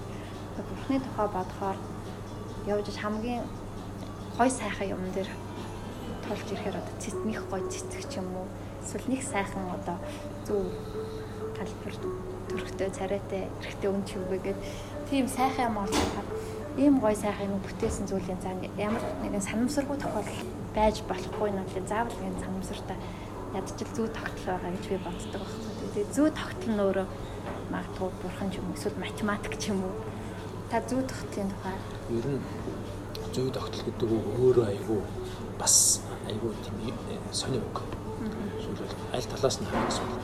Жишээлбэл зарим зүйл дээр бүх юмыг зүй тогтолтой гэж үзэх юм бол бид нар бараг ямар ч мүч хийх хэрэггүй болчих шүү дээ. Бүх юмд нэг зүй тогтол байгаа, зүй тогтол байгаа. Зүй тогтлын хүрээ гэдэг чинь өөрөө бүтээлч оюун санааг хязгаарлаад байхгүй. Тэгэхээр бүтээлч оюун санаа бол зүй тогтол баригдахгүй айл юунд ч баригдахгүй байж аж бүтээл ийшинч тесрэл ийшинч тесрэл ийшинч тесрэл тэнд ямар нэгэн зүй тогтол байгаа гэж хүлээн зөвшөөрөхгүй байж аж бүтээлч гэдэг бүтээлч оюун санаа явж явж юун дээрээ гарч ирдэг вэ гэхээр эргээл өөр төвшний ирэмб рүү орцоод орж байгаа. Тэгэхээр бидний зүй тогтол гэдэг нь нэг талаасаа зааг хязгаар юм шиг нөгөө талаасаа төвчний ялах юм шиг. Тэгэхээр одоо бүх одоо уран зохиол дээр л ярихад бүх цаг үеийн шинжилэлүүд юу байсан бэ гэхээр нэг загварыг эвдээд өөр загвар бий болгосон. Нэг загварыг эвдсэн эвдсэн боловч бүх загварыг эвдсэн шинжил нэг ч байхгүй. Тэгэхээр бид нар яадаг юу юм бэ гэхээр нэг загварт байгаа юмыг загварын хүрээнд ойлгочоод тэрнээсээ залхаад уйдаад эсвэл тэр нь тодорхой хэмжээнд шаардлага хангахгүй болоод ирэнгүүт тэр загвар эвдэгдээд дараагийн загваргүй юм шиг бий болоо. Гэвч загваргүй юм шиг байгаа тэр юм каос биш эргээд эренбэлэгдээд ирэхээр тэр нь тогтдог. Аа бид ийм юм байсан байж тээ олчлоо гэтэл нөгөөт нь ахаад тодорхой хугацааны дараа шаардлага хангах юм байдаг. Ахаад тэрнийг эвддэг. Энэ бүх явцыг дэвшил гэж хэлж байгаа тийм. Гэтэл энэ бүх дэвшлийг ингээ харахад уран зохиол дээр гэхэд зарим хүмүүс бол жишээлбэл уран зохиол ямар ч хөгжил байгаагүй. Яг гэвэл ямар ч хөгжил байгаа байхгүй тухай яриа биш байхгүй. Яг гэвэл төвшингүүд дандаа ихж юмсан. Жишээлбэл одоо бид нэр эртний грекийн жүжгүүдийн тухай гэлээ. Тэгэхээр агуу гайхамшигтай хэвээр юм. Гэхдээ тэдний тэдний загвар өөр. Аа хамгийн өнөөдөр хүмүүс яадаг вэ гэхээр Шекспиртэй адилхан эртний грекийн одоо Еврей медиатай ч юм адилхан юм биччихээд мэдхгүй хүмүүст үзүүлэх юм бол өөдөл чинь биш шүү дээ. А гэтэл энэний хүндрэлтэн 2000 жилийн өмнө даваад өнгөрцөн болохоор бид нэр хөгжлийн тухай байх болчихж байгаа. Дэвшлийн хөгжлийн тухай. А тийм болохоор л өнөөдөр яагаад уншигч нар хамгийн чухал вэ? Уран зохиол. Зохиолчоос илүү уншигч. Яагаад гэвэл тэр бүгдийг мэдсэн уншигч нар тэр бүгдийг яатсан уншигч нар үзэх юм хүлээж авахгүй шүү дээ. Тэгэхээр нар хүлээж авч бид нар тэнцхийн тулд дахиад тааш байгаа. А тэгэхгүй хуучин бол манайд яадаг гэсэн бэ? А зохиолч хүн л эднэрийг үзнэ гэж зохиолч хүн л яана. Тэр чүтэл Горький сургуулийн зарчимч гэсэн юм шүү. Зөвхөн тэдний байгуулсан юу нь болохоор социалист нийгэм, социалист үзэл суртал гэдэг юмд уран зохиолоор ард түмнийг үйлчлүүлэхэд хэрэгтэй хүмүүсийг бэлдэнэ. Нөгөө хүмүүс нь уран зохиолынхон бүх юмд суралцсан. Грекээс ч суралцсан, ромоос ч суралцсан. Аа тэгээд тэр суралцсны юунд ашиглах вэ гэхээр эргээд нөгөө ард түмний тархийг угаахад хэрэгэлдэг. Аа эннийхэн төлөө мөнгө авдаг ийм систем биш. Яг зохиолчдын эвлэл гэдэг байгууллагыг ус төсөөрө барьж айгүй баян байгууллага байж исэн. Ягаад зохиолын сургууль гэдэг байгууллагыг сургуулийг ягаад тэнд явуулсан. Энэ бүхний чинь зорилго тодорхой зүйл. Гэтэл өнөөдөр бид нар энэ бол агуу зүйл байжээ гэж үзээд нөгөө юуныхаа концепцийн хувьд утгагүй болцсон юмыг ахаад үргэлжлүүлэх яваад байгаа. Өөрөө чөтөр туш олчиход байгаа л да. Тэгэхээр өнөөдөр бид нар Монголын зохиолчдын эвлэл гэдэг байгууллагыг хуучин яг тэр юугаар барьж үлдэх гээд оролдож байгаа өөрөө уран зохиол ямарч хамаагүй асуудалхгүй. Тэр үнэхээр л уран зохиолоо цааш нь яа гэж байгаа бол энэ энэ байгууллагыг задлах хэрэгтэй. Одоо хоёр биш 20 юу болж задрах хэрэгтэй. Хэрвээ тэнд байшин сав өөр асуудал байгаа бол тэрнийг байшин савных нь хэмжээнд шийдэг. Уран зохиол гэхээ юуг тэрнтэй хотголгүйгээр өгчдөг. Ингээд ингээд явах хэрэгтэй. Тэгтэл бид бид нар бол үнэндээ ийм яриагач ярих завдалгүй уран зохиол юу гэж ярилгүй. Ингээл нэг гэсэн л хүрээ хэмжлэг. Одоо би ингээл гайхаж байгаа. Би 24 настай байхдаа айгүй мундаг мундаг юм яагаад юм уран зохиолыг сэтгэлээ нэлээ өөр болгох чинь хүмүүст ингээл ингээл яах юм бол 3 жилийн дараа л хүмүүст шалгуур болчихсон ингээл. Одоо тэрнээс хойш 30 жил өнгөрөх гэж байна. Яг хэвээр юм. Хүмүүсийн яруу найр гэж юу вэ? юу вэ? Яруу найр гэж юу вэ гэдэг ойлголт 90 оных одоо яг байж байгаа. Ямар нэгэн хөвжил байхгүй гэж зарим хүмүүс ярьдаг бас үний юм шиг байна. А гэхдээ тэр ямар хүрээнд ярьж байгаа гэдгийг бид одоо хүрээ хүрээг өөр өөр байна. Жишээлбэл нийтийн хүрээг бол тэртээ түг яриад хэрэггүй. Нийтийн хүрээнд нэг тэртээ түг байхгүй юм чи тэр тухайн ингээл яриад ингээл хүмүүстэй ийм байх хэрэгтэй үгүй ийм байхгүй тэр гайд төвчин ингэсэн чойрмч ингэсэн гэдэг хүмүүстэй ойлголцохгүй нэг бид нар нэгэнд өөр хүмүүс болцсон, өөр юм салтсан, өөр өөр хүрээнд өөр өөр ойлголт яриад байгаа учраас одоо нэг нь тэмээ шиг нэг нь ямаа шиг болчиход байгаа. Тэгэхээр энэ яриаг ярих юм шиг юм. А тэгэхээр бид нар яагаад зохиолчдын эвлэлүүдийг байгуулгыг завдад клуб болгоё гэсэн бол энэ дунд чинь арай өөр төвшний нэг клуб байж болно. Тэрнээс доор төвшний хоёр клуб байж болно. Тэрнээс доор төвшний 8 клуб байж болно Тэгээ бодор цомын клуб очлоо. Ингээл ингээл явчихвал. Тэгэх юм бол айгүй амар бол. Яг гэвэл клуб клубийнхаа өрөөнд ойлголцоод клуб клубийнхаа өрөөнд яриад энэ дунд ямар ч хэрүүл маргаа угаасаа энд хэрүүл маргаа хийгээд авч чадахгүй байхгүй. А гэтэл бид нэр ийм систем рүү орж өнөхөр чадаагүй. 95 онд Буянзя галсан сүх үлций хэлэгэж Эрдэнэ очир бид тав. Яг яг жинхэнэ уран зохиол гэх юм яри. А тэр сэдв хамаагүй. Морьч бичиж болно тулайч бичиж болно вакуум бичиж болно сансрыг бичиж болно яг жинхэнэ юу яадаг тийм бид нэг тийм клуб санаачилсан Тэгэл нөгөө клубээ санаачлал зохиолчдын ороонд очиод клуб бүртгүүлэн угаасаа тэр чинь өдөөгийн зохиолчдын эвлэн үлгээр нэг салбар клуб маягийн юмыг бүртгүүлдэг тийм журамтай байсан. Тэгэл клубын бүртгүүлэлтүүд гэвч үнэндээ бид нар нэгдүгээр залуудсан тийм юмыг хүлээж авах юу байгаагүй нийгмийн орчинч байгаа яах гээд байгаа гэдэг бид нар ярьж байгаа юм байна. Нэгдүгээр ойлгоог ойлгох бид нар ч ойлгож чадаагүй. Тэгээ бид нар бас залуу байсан болохоор хүн залуу байх гэж бас зөв хүн талаар аягүй дутагдал.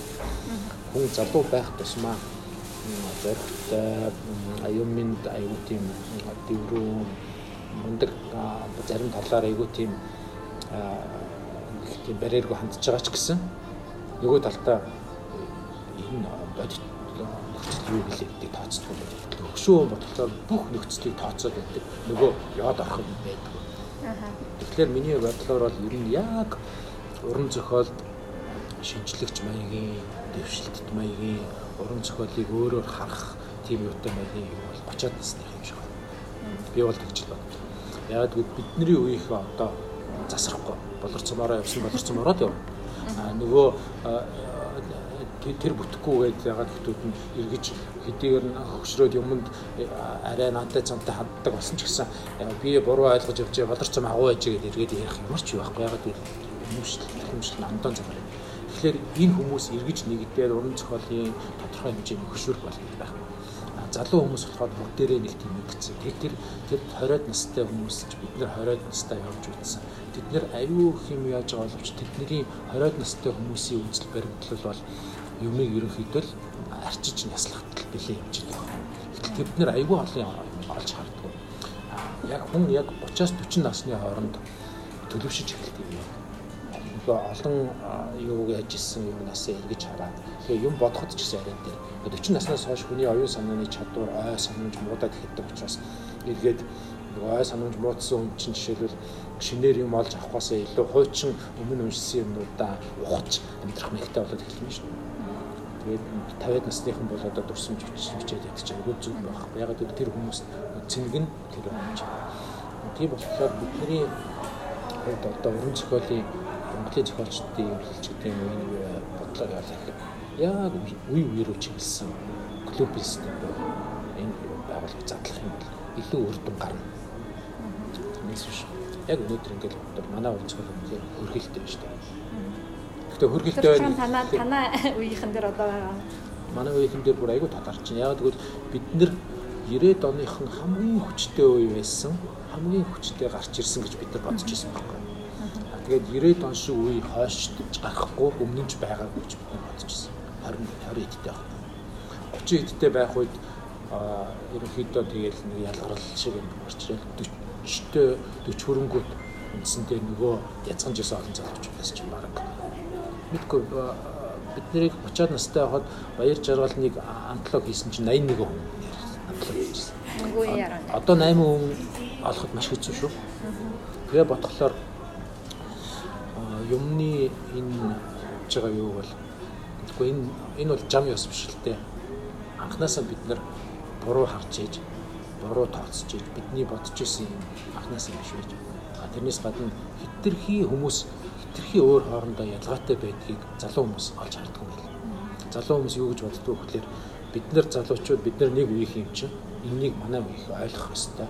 Үнэхээр яг ийм байдгийг бид хэлхэл юм нар тусгаж авах гэж боддог. Хүн үеийнхээ хүмүүс дандаа тэгж ханддаг. Аа та нар ч гэсэн адилхан баг. Манай үеийнхэн юмыг илүү эрүүл харж яах бодож. Гэвч эрүүл хардаг нь хүний үеэс болдоггүй. Эрүүл хардаг нэг хэсэг байна. Хизээч эрүүл хардаг нэг хэсэг. Энэ бол нас хамаагүй. Энэ дээр ганц нэг ижил би хэлсэн хайр дурлал нь амиа хорлож байгаа байлгүй ч юм. Эсвэл дурсамжаасаа ингээд өөрөө татгалцж байгаа юм байл үтэж гэх юм. Тиймэрхүү садан садан сарт хэмэрч юм шиг тиймэрхүү үйлчлүүд байсан. Тэгээ би бодож ирсэн юм л яг ийм хайр сэтгэлөөрөө амиа хорлох эсвэл дурсамжаас ахын татгалзах юм. Яг ийм зүйл байж болох юм уу гэж тийм хүн дурсамжаас татгалзах болох юм уу? Сайн дураараа эсвэл хайр дурлал нь өөрөө тухайн эзнээсээ хамаарлагуугаар амиа оруулчих болох юм ч гэдэг юм тий. Яг зохиод бичгийн хамгийн алдар маань хүн хүн зарим үед яг бодоод санаанд орж исэн үг бичдэг нэг байна. Эзэн санаанд орж ирээгүй өөрөө бичдэг. А энэнийг жишээлбэл тайлбарлахад аяг хэцүү. Гэхдээ тайлбарлаж болно л доо. Яг тэгвэл хүн би хизээч ингэж бодоогүй боловч биччихэд л ийм болчлаа гэдэг зохиолч нар айгүйх ярьдаг штеп. Гэтэл яг бодож идэл тийм болчлоо биш. Тэр хүн тийм л юу яхаар өөрийгөө бэлтгэж байсан. Тэр бэлтгэжсэн явцаа өөрөө мэдээг. Тэр хүн одоо юу ч гэх юм уу, Кавкаг ч гэх юм уу, Достоевский ч гэх юм уу, Сартрик ч гэх юм уу, Прустик ч гэх юм уншиж жагаад тэр хүн өөртөө ямар нэгэн тэр олон дундаасаа нэг өөрийн гэсэн нэг тэдний нэг хөлбөр зохиолч гаргаад ирлээ шүү дээ Тэр нөхөр нэг иймэрхүү юм бичгээр хэмжээний нөхөр болчиход байгааг нь тэр өөрөө мэдэхгүй. Зохиолч хүн бичиж байгаа үедээ текст нь за өөрөө хяналтанда байлгахыг боддог. Өөрөө өөрөө хянжин гэж боддог. Би энэ хэсэг хэрэггүй, энэ хэсэг зүгээр гэд засмар хосор хийгээд өөрөө бүрэн хяналт тогтоочлаа гэж бодод байдаг. Гэвч сүүлд нь ихэнх тохиолдолд бичээд дууссаны дараа бүх текстийнхаа хэсэг болгонтэй бүрэн хэмжээ тогтоож чадаагүй энэ нь хүн хүн эргээд би одоо ингээд бичсэн номоо эргээд унших болгоод миний санаанд ороогүй. Би ингээд ингэсэн бэлгүй энэ яг ийм биччихлээ гэж бодогдох юу гарах болгонд?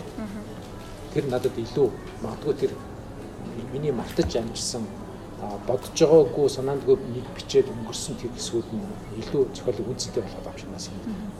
Тэгэхгүй энэ нь хүн өөрийнхөө зохиолын үнцнийг өөрөө тодорхойлж гэж байхгүй л дээ зүгээр.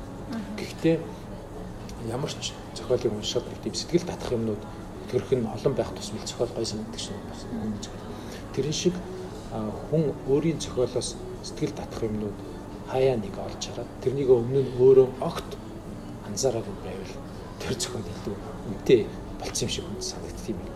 Тийм болохоор би зарим үгийг бол үнэхээр би яаж бичсэн юм бидгүй зарим үг бол би яг ингэж бичнэ бодсоор хаана оруулах уу гэд бодсоор гад оруулах газар хайж уншсаар гад чигч оруулдаг. Нь чинь ер нь тийм л дээ зохиол гэдэг чинь өөрөө зохиомж шүү дээ тийм. Гэхдээ зарим зүйл бол би хизээч бодоогүй хизээч ингэж нэг өгүүлбэр барьчаад ингэж явсаар гад чихэж оруулаагүй юм юмнууд би сүүлд нь ингээд харахад гинт ингээд харагдахлаа би хизээч ийм өгүүлбэр бичсэн санахгүй байх тохиолдол зүйл. Гэхдээ ер нь ийм юм байл. Залуу байхад тийм юу баг байсан. Нас явах тусам ийм юм их болт юм байл. Ягаад гэвэл хүний нас явах тусам хүний оюун санаа хин тэнд эн тэнд одоо сэтгэл санааны бодлын эн тэнд нухарт хаа нэгтээ юмнууд хаяад мартчихдаг. Тэр мартсан юмнууд нь бичиж явах явцад орчдөг. Тэрнийг өөрөө анзаарахгүй явждаг. Тэгээд одоо жишээлбэл хараам утгалаар ч юм уу одоо би залуудаа бичсэн юмна бичиж дуусчаад эргээд уншдаг одоо бол эргээд уншихаас халгаад яг гэвэл хүн хараам утгалаар унших өөрөө айгүй тийм хүчээр яаж болж байна. Миний холын аргач мууцсан арай аргач мууц би хоёр шил зүүнтэй солино. Хоёр сэлгэн гэдэг чинь өөрөө айгүй хэцүү. Тэгэл нэг юм дээр төвлөрөө суун өөр тийшээ харахад толгой хэрэгдэг юм. Ингээд энэ битэр ингэхлээр унших чинь өөрөө нас явахын ирээд бас одоо би 7 хоногт нэг 2 орчим ном заавал уншдаг гэсэн бол одоо яг уншихад бас тодорхой юу хэрэгтэй болж байна. Тэгэхээр чи хүн яаж ирэхлээр үнэхээр хүний одоо нас гэдэг чинь тоо биш байхгүй. Яг ямар нэгэн хүчин зүйл мөн байна. Нөгөө Марио Варгас Лоза гэдэг нэг зохиолч байсан. Тэр харин би бүх одоо зохиолоо эхнээс нь дуустал нь толгойдоо бодцоод тэгээ зөвхөн цаасан дээр хөвлөх ажлыг хийдэг гэж хэлсэн. Тэгсэн чинь бас нэг зохиолч тэгэх юм бол бичиж нас биччихъя тий гэсэн байсан. Гэхдээ тэр яг тэ хоёр л юу байна л да. Хин Флабер бас тэгжсэн. Флабер бол яасан гэхэлэр Флабер ингэжсэн. Нэг удаа а би нэг арма бичиж дуусчлаа. Янзтай энэ бол яг эмгхтэй хүний дотох юу яасан. Янзын арма бичиж дуусчлаа. Тэгсэн чинь нөгөө юмыг баян уншиж уншил та. Тэний ч уншил та. Би бичээг байгаа. Тэр хүн ягаад гэвэл тэр чинь бичлээ гэдэг нь эхний хувилбар толгойд бий болцсон гэсэн. Бараг бүх юм болцсон. Тэр бүр эмгтэй хүн эма ямар байх мэхийг бүгдийг бодсон ба дээ. Гэхдээ бичээг. Энэ хоёрын хооронд амар их том зай. Тэгэхээр лоса бүгдийг яг биччихээд бичнэ гэж байхгүй. Ягаад гэвэл яг бүгдийг бичсэн ч гэсэн яг флобер шиг байхгүй. Тэр суугаад бичнэ. Дараагийн шат дутуу дээ. Тэр дараагийн шатн дээр юу ч өөрчлөгдөж магадгүй. Хэдийгээр тэр нэг ч юм өөрчлөөгүй гэж байгаа боловч тэр чинь зохиолч нь зөвхөн үйл явдал биш. Зохиолч нь зөвхөн өрнөл тайлал зангилаа ингэж жагаад бот усарж байгаа биш. Зохиолын хамгийн нарийн юм жижиг жижиг одоо чиний сайн хэлсэн шиг явж идэл нэг юм юу гараад эдгээр чинь бүгд нийлж зохиол. Зарим хүн бол ингэдэг шүү дээ. Аа зохиол бол афоризм биш ээ. Зохиол бол харилцан яриа биш ээ. Зохиол бол гинт олсон юм сонин санаа биш ээ. Зохиол бол дүрээ. Дүр гэдэг чинь юу вэ? Дүр чинь яг тэр зохиолчийн оюун санаагаар дамжаад тэр тэр зохиолчийн бодож олсон санаа санааг хэн нэг илэрхийлж өгдөг байхгүй. Тэгэхээр дүр юуны тулд дүр бол ямар нэгэн үйлдэл хийхин тулд байгаа шиг. Тэр санааг илэрхийлэхийн тулд дүр байна. Санааг илэрхийлэх тулд л байна. Гэтэл манайхан болохоор дүр гэдэг ямар агуу бай тэр гаднаас орж ирээд хуучин хөө хол морин дээр хөндлөн суугаад нусаа хөр хитэн нэгээд гэрт ор дүр биш аахгүй юу? Чин нөгөө дүрийн нөгөө цаад амар нөгөө сүнсийн алга болоод шүү дээ. Бид нар чинь зүгээр л ингэж харж байгаа. Ундаг шүү дээр хуулан морин дээр ятсан алчуур ингээд зангидчихжээ. Тэгээд нусаа хөр хийдэл нэгэ тэгээд ингэж яаж ийм амар бидний нөгөө хуучин юугаар явж ирсэн юм чинь тэр реалист загвартай зохиол энэ бол дүр шүү, энэ нь шүү ингэж сурталчилж яах нь бас нөгөө юу хийхэд хэрэгтэй байсан одоо бол бид нэр хамгийн давуу тал нь ингэхэн хин нэгэнд ашигтай гэдэг үзлээс хүн зөвхөн үнэхээр ингэж ирсэн. Ямар ч байсан байна. Аа гэтэл одоо яг нөгөө хуучин ингэхэн хин нэгэнд ингэж бичих хин нэгэнд хэрэгтэй гэдэг одоо станууд одоо үйлчилж байгаа. Тэгээ өнгөрсөн жил Казахстанд очиад залуучуудтай юм яриад суухад Казахстан айгүй баяр. Улс нь мөнгөтэй, зохиолчдын байгууллага нь баян тэр ерөнхийдөө зохиолч хүн нэг дунд хэмжээнээс дээш гарах юм бол амьдрал нь баг баталгаатай шахуу тийм юутай. Монголоос тэр талаар нь хол явчихжээ. Гэвч сэтгэлгээ үнэхээр хогцсон. Бид нар бүр айгүй хол явцсан. Гэвч бид нар ядуу байгаад идэв. А тэд нар бүр амар хоцрогдсон болж амар уран зохиолоор амьдрал таахгүй. Тэгээд яг бидний давуу тал байна. Яг тэгвэл Монгол амар ирээдүйтэй болсон байна өнөөдөр Монгол бохир байна, удаатай байна, ядуу байна. Гэвч Монголд айгүй хэрэгтэй байна. Залуучууд нь айгүй хүм олж харж. Казахстаны ирээдүй бол зүгээр л Казахстан баян улс, нефттэй, хамгийн том тариалангийн талбайтай амар байгалийн хийн агуух нөөцтэй яг нөгөө манайхны нөгөө биширдэг тэр бүхэл боломжууд байна. Гэвч манайхны төдийлөн тоодоггүй супер боломж нь нэг хүний оюун санаа айгүй мундаг явсан боломж нь Монголд. Би бас нэг сая нөгөө аюугаад байхад нэг би нэг зохиолч байсан. Тэгээ надад ингээд намаа үзүүлээд тэгээд харахад ингээд одоо манай 70 80-аад оны үеийн нэг тийм хийц хэлбэр формат нэг тийм юм үзүүлээд одоо манай баг анхны хэвлэлийн компани байгуулагдсан ч гэлөө тэгээд тэр одоо ном соёлын төвшин маш хацрагдмал одоо багт хөгжиж үлгсэрийн материалыг эдийн засаг тэр харагдах байдлаа бүр асар их хөгжүүлчихсэн тийм зүйл яваа ажиглагдчихсэн л дээ. Тэгээ бид нар болохоор ингээд таныг одоо жишээлбэл ингээд одоо Монгол дотрооч гадагшаа гараад ч юм ингээд фал байхад гараал ирээд байдаг тэр их нөөц баялаг оюун санааны юмнууд бол бүтээсэн түмэн юм байна гэж хараад байгаа. Тэгсэн ярина бид нар өөрсдийгөө хэн болгож харуулсан юм бэ? Хэн болгож бичиж үзүүлсэн юм бэ гэхлээр одоо л магадгүй оролдлогууд нь эхэлж ах шиг байна. Яг тэ биднэрт 20 жил гэдэг чинь хүний амьдралд урт хугацаа боловч уран зохиолын хөгжилд бол ерөөсөн секунд шүү дээ. Харин ч Монгол аюул сайн дэвшсэн. Аюул сайн урагшаа явсан. 90 онд одоо хуучин нөгөө нэг загвар алга боллоо.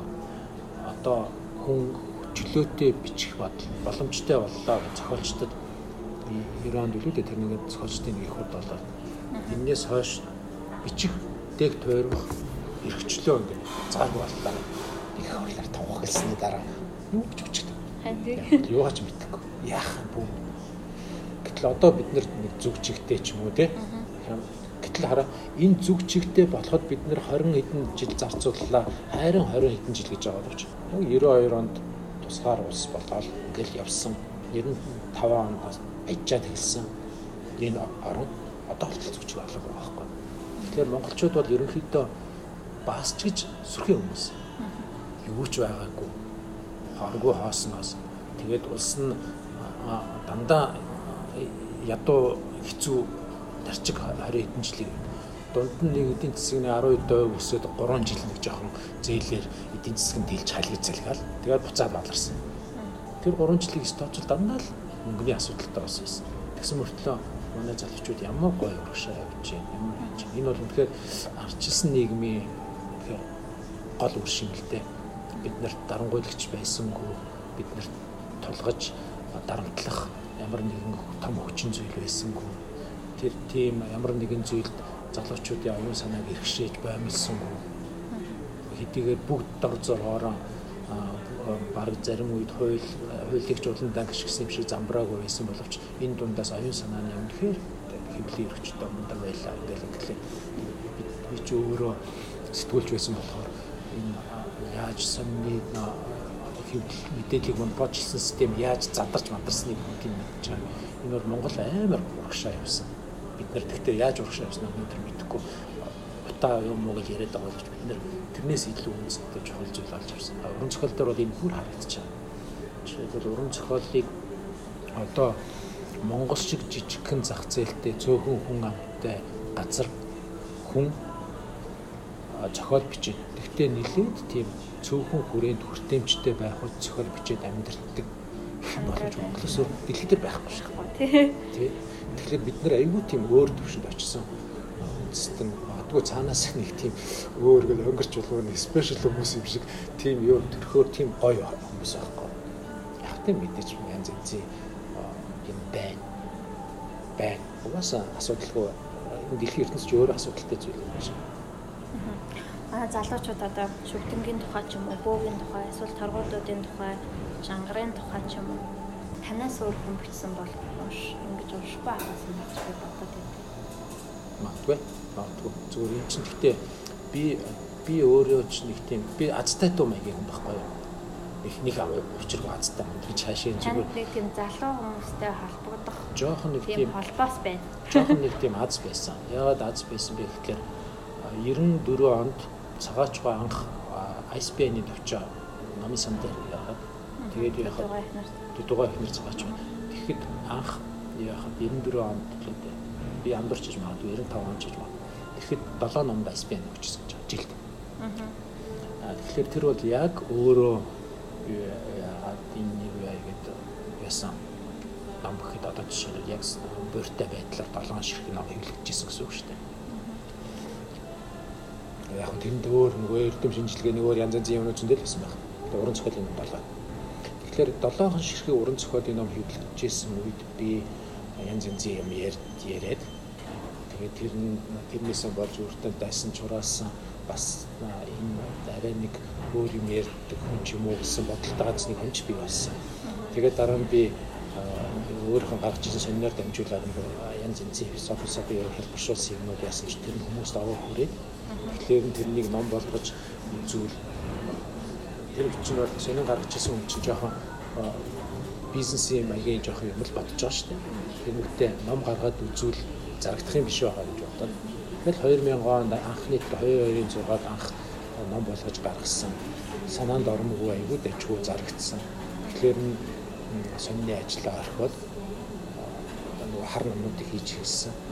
Хар номнуудыг хийгэнгүүт эхний дөрөв номыг гаргасан чинь нөгөөт нь угаасаа тэр чинь ойлгомжтой шүү дээ. чинь ном жил 7 ном гарч байгаа газар чинь нэг юм хатар онгон шиг юм байж байгаа юм чи.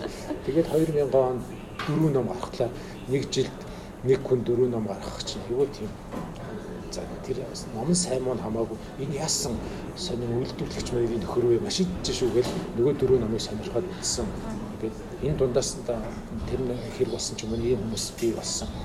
Тэгэнгүүт нь би тэр дунд нь өөрийнхөө миний тэр өөрийн ном ном чинь дурлгүйсэн билүүсийг яг адилхан юутагаар дотор нь оруулсан. Тэгэхээр нөгөө хүмүүс ихний дөрөв номыг авцсан хүн тав дахь батыг авч ийн гэд миний зохиолыг авцсан. Тэр нь надад айгүй хэрэг болсон. Тэгээг бол би анхны би нэг гурван шүлгийн номыг гаргасан байсан үү тэр. Тэгэхээр би анхны хөрөл зохиолын номоо гаргаад ямар нэг амжилт болох юм ч боломжгүй шүү дээ. Тэгэхээр нөгөө нөхдүүдийг уншицсан хүн чинь энэ нэг гоё юм гаргаад идэг гэд би миний зохиолч гэж мэдээг тэр чинь аюулсан мэрцэн гэсэн үчиж байгаа. Зүгээр дурдлын эрсдэл төлөөс тэргүй өөрөөр зохиолууд гэж бичсэн юм хаана. Ардтал дээр нь л би өөрийнхөө зураг мөрөг тавьсан болохоос. Тэгэнгүүт нөгөө тэр чинь нөгөө номын соёл, номыг айхтар ялгадаг юу байгаагүй. Энэ хар номны гоё байна гэж яасан хүмүүс автоматар дагаж шуураад явчихсан байхгүй. Тэгээд нэг 10 хэдэн мянга зарагдангууд би уран зохиолын ном 10 хэдэн мянга зарцсан чинь тэр үед эхлээд надад нэг жоохон бишгчний юм би олчж байгаа байхгүй. Ийм хүм маягаар л яатсан. Яг нэг тийм азтай ч юм уу нэг тийм тэгээд хэрэг тгээгүү бол мэдхгүй. Тэр хар номнуудыг гаргаагүй бол би ер нь уран зохиолын орчин байр сууриад олж авах ямарч боломжгүйсэн. Яагаад бүгд намайг энэ хамгийн гайтай нөхөр энэнийг уншууд уншууд баларна гэсэн маягаас сурчлагаар явж исэн юм чинь. Залуучуудтай холбогдсон гол юм нь болохоор магадгүй таны зохиолуудад байгаа залуу хүн ч гэсэн ойлгоод тогтолж болохоор хөгжмийн тухай ярианууд ч юм уу? Одоо юу ч байдгийг за магадгүй энэ бол мэдээж таны нэг хэсэг тавьж юм уу гэсэн Эсвэл одоо юу гэдэг юм? Та таны сая ярьсан ч гэсэн аа одоо анх гарч ирэхдээ уран зохиолын тухай арай өөр өнцгөөс ярьж эхэлсэн. Эсвэл анхнаасаа тэр шинэ үеийн нэг нэг үе гэж хэлээ л да нэг үе залуучууд гарч ирэхэд та тэрийг одоо унших нь бэлдэж өгсөн юм тийм. Тэргээрээ магадгүй татан санагдсан юм. Маш олон холбоос үүссэн байх. Магадгүй та тэрийг айгүй сайн Монгол хүний нэг Монгол хүн байхын өөр хариуцлага гэж та түрүүний хэлсэн тэрэндээ ингэж сайн уйж холбож ашиглаж чадсан юм гэдэг залуучуудын дээр анхаарлаа. Бас л нөгөө манай үеийн залуучууд ч бүгд нэг нэг сонирн гаргаад тэгээд бас тэр нэг тийм бүрхэн бизнес болол ингээл явж ирсэн юм л да. Тэр үед хилцээ дээр бас ард ирэхээс гараад тэр сонирн гарсан. Тэгэлзээ нямгарт би ард ирэх гэсэн. Тэгэл гараад нөгөө сонирн гаргаад эхлэхэд тэр үеийн сонирч бол аимшигтай байна шүү дээ. Аа өсө гэмт хэрэг сандар самуу явдал бичдэг байсан юм гэмт хэрэгтээ сонин маш сайн гүйдэг учраас сонин болгон нэг тийм цагтаагийн цагдаа нарын хэрэг бүртгэлийн юу хариуц очиж хуулж авдаг нэг юутай тэнийг хачирлаа гэж бичээд ингээд. Тэгээд тэр дунд бид хоёрт тэр цагдаа магдаад нь ч танил байсангүй мэдээж нэг цагдаатай танил байгаа л нөгөөх нь байнга өдөр болгонд ийм тэр дүргт ийм цогцолтлоо гэж бид хоёр мэдээлэл өгөөд исэн бол бид тэр лөө яваад очих байсан ч гэж байна. Тэгэнгүүт тэгэл яасан чинь арай нэг тийм өөрөөр явах боломж нь орчуул болсон байхгүй. Тэгээд тэр 2226-д орсон юмнуудыг орчуулсан. Тэгэл дараа нь бас цуурлаар зохиолууд ч гэсэн орчуулж тавьчихсан. Тэгэхээр нөгөөх нь хитийгээр сонины юунд жоохон хортой боловч шар сонины гүйлгэд болох жоохон хортой зүйл боловч тодорхой хүрээний хүмүүс энэ арайч нэг атлан хятаа хүчин хүчин бичиж явдгуу нөхөр байгаа гэсэн нэг тийм юу бас бий болгосон байж магадгүй. Тэгэхээр сониноос эхлээл тэгэл хар намаа дамжаад ингээд явах. Би энийг бол өөрөө бодоагүй л дээ. Зүгээр л юм тэгэл хүний нэг өөрийн нэг тийм юу гэдэг шүү дээ.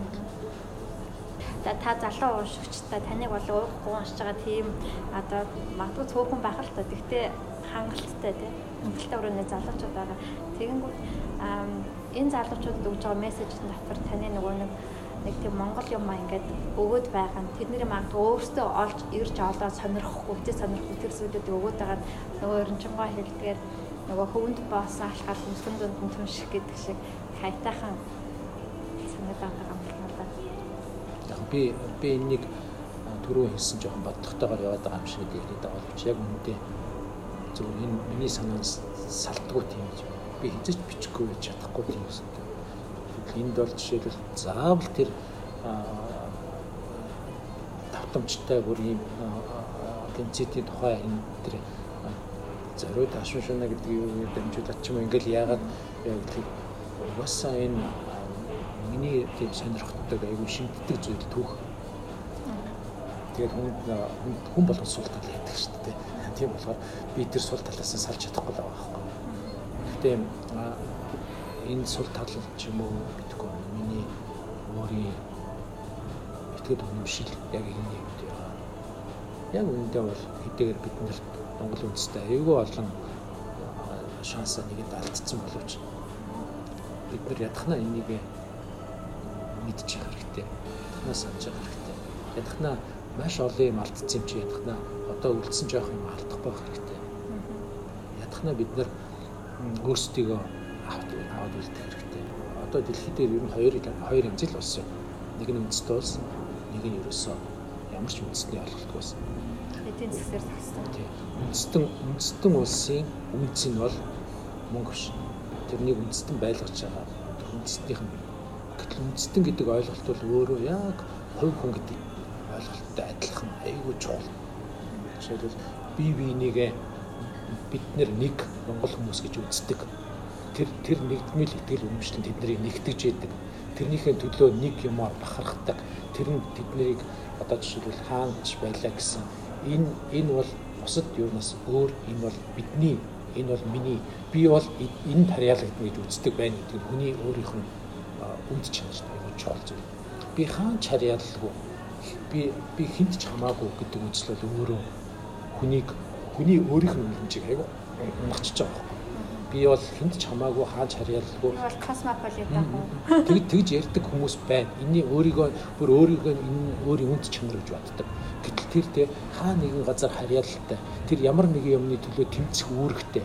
Ямар нэгэн юмны төлөө тэмцэх үүрэг хүлээсэн нь тэр хүний оршихуйн утга учир болсон. Тэр хүлээсэн үүргийг тэр хэн нэгнээс үлэж авсан байх гэж өөр амар их гайхамшигтай зүйл байна. Ийм гайхамшиг алга болчихгүй юм бол тэгэл бид нэр тэгэл бүр найдах юм байхгүй.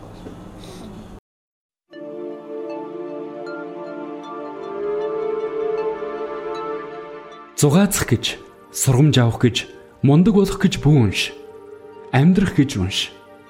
Густав Флавер 1913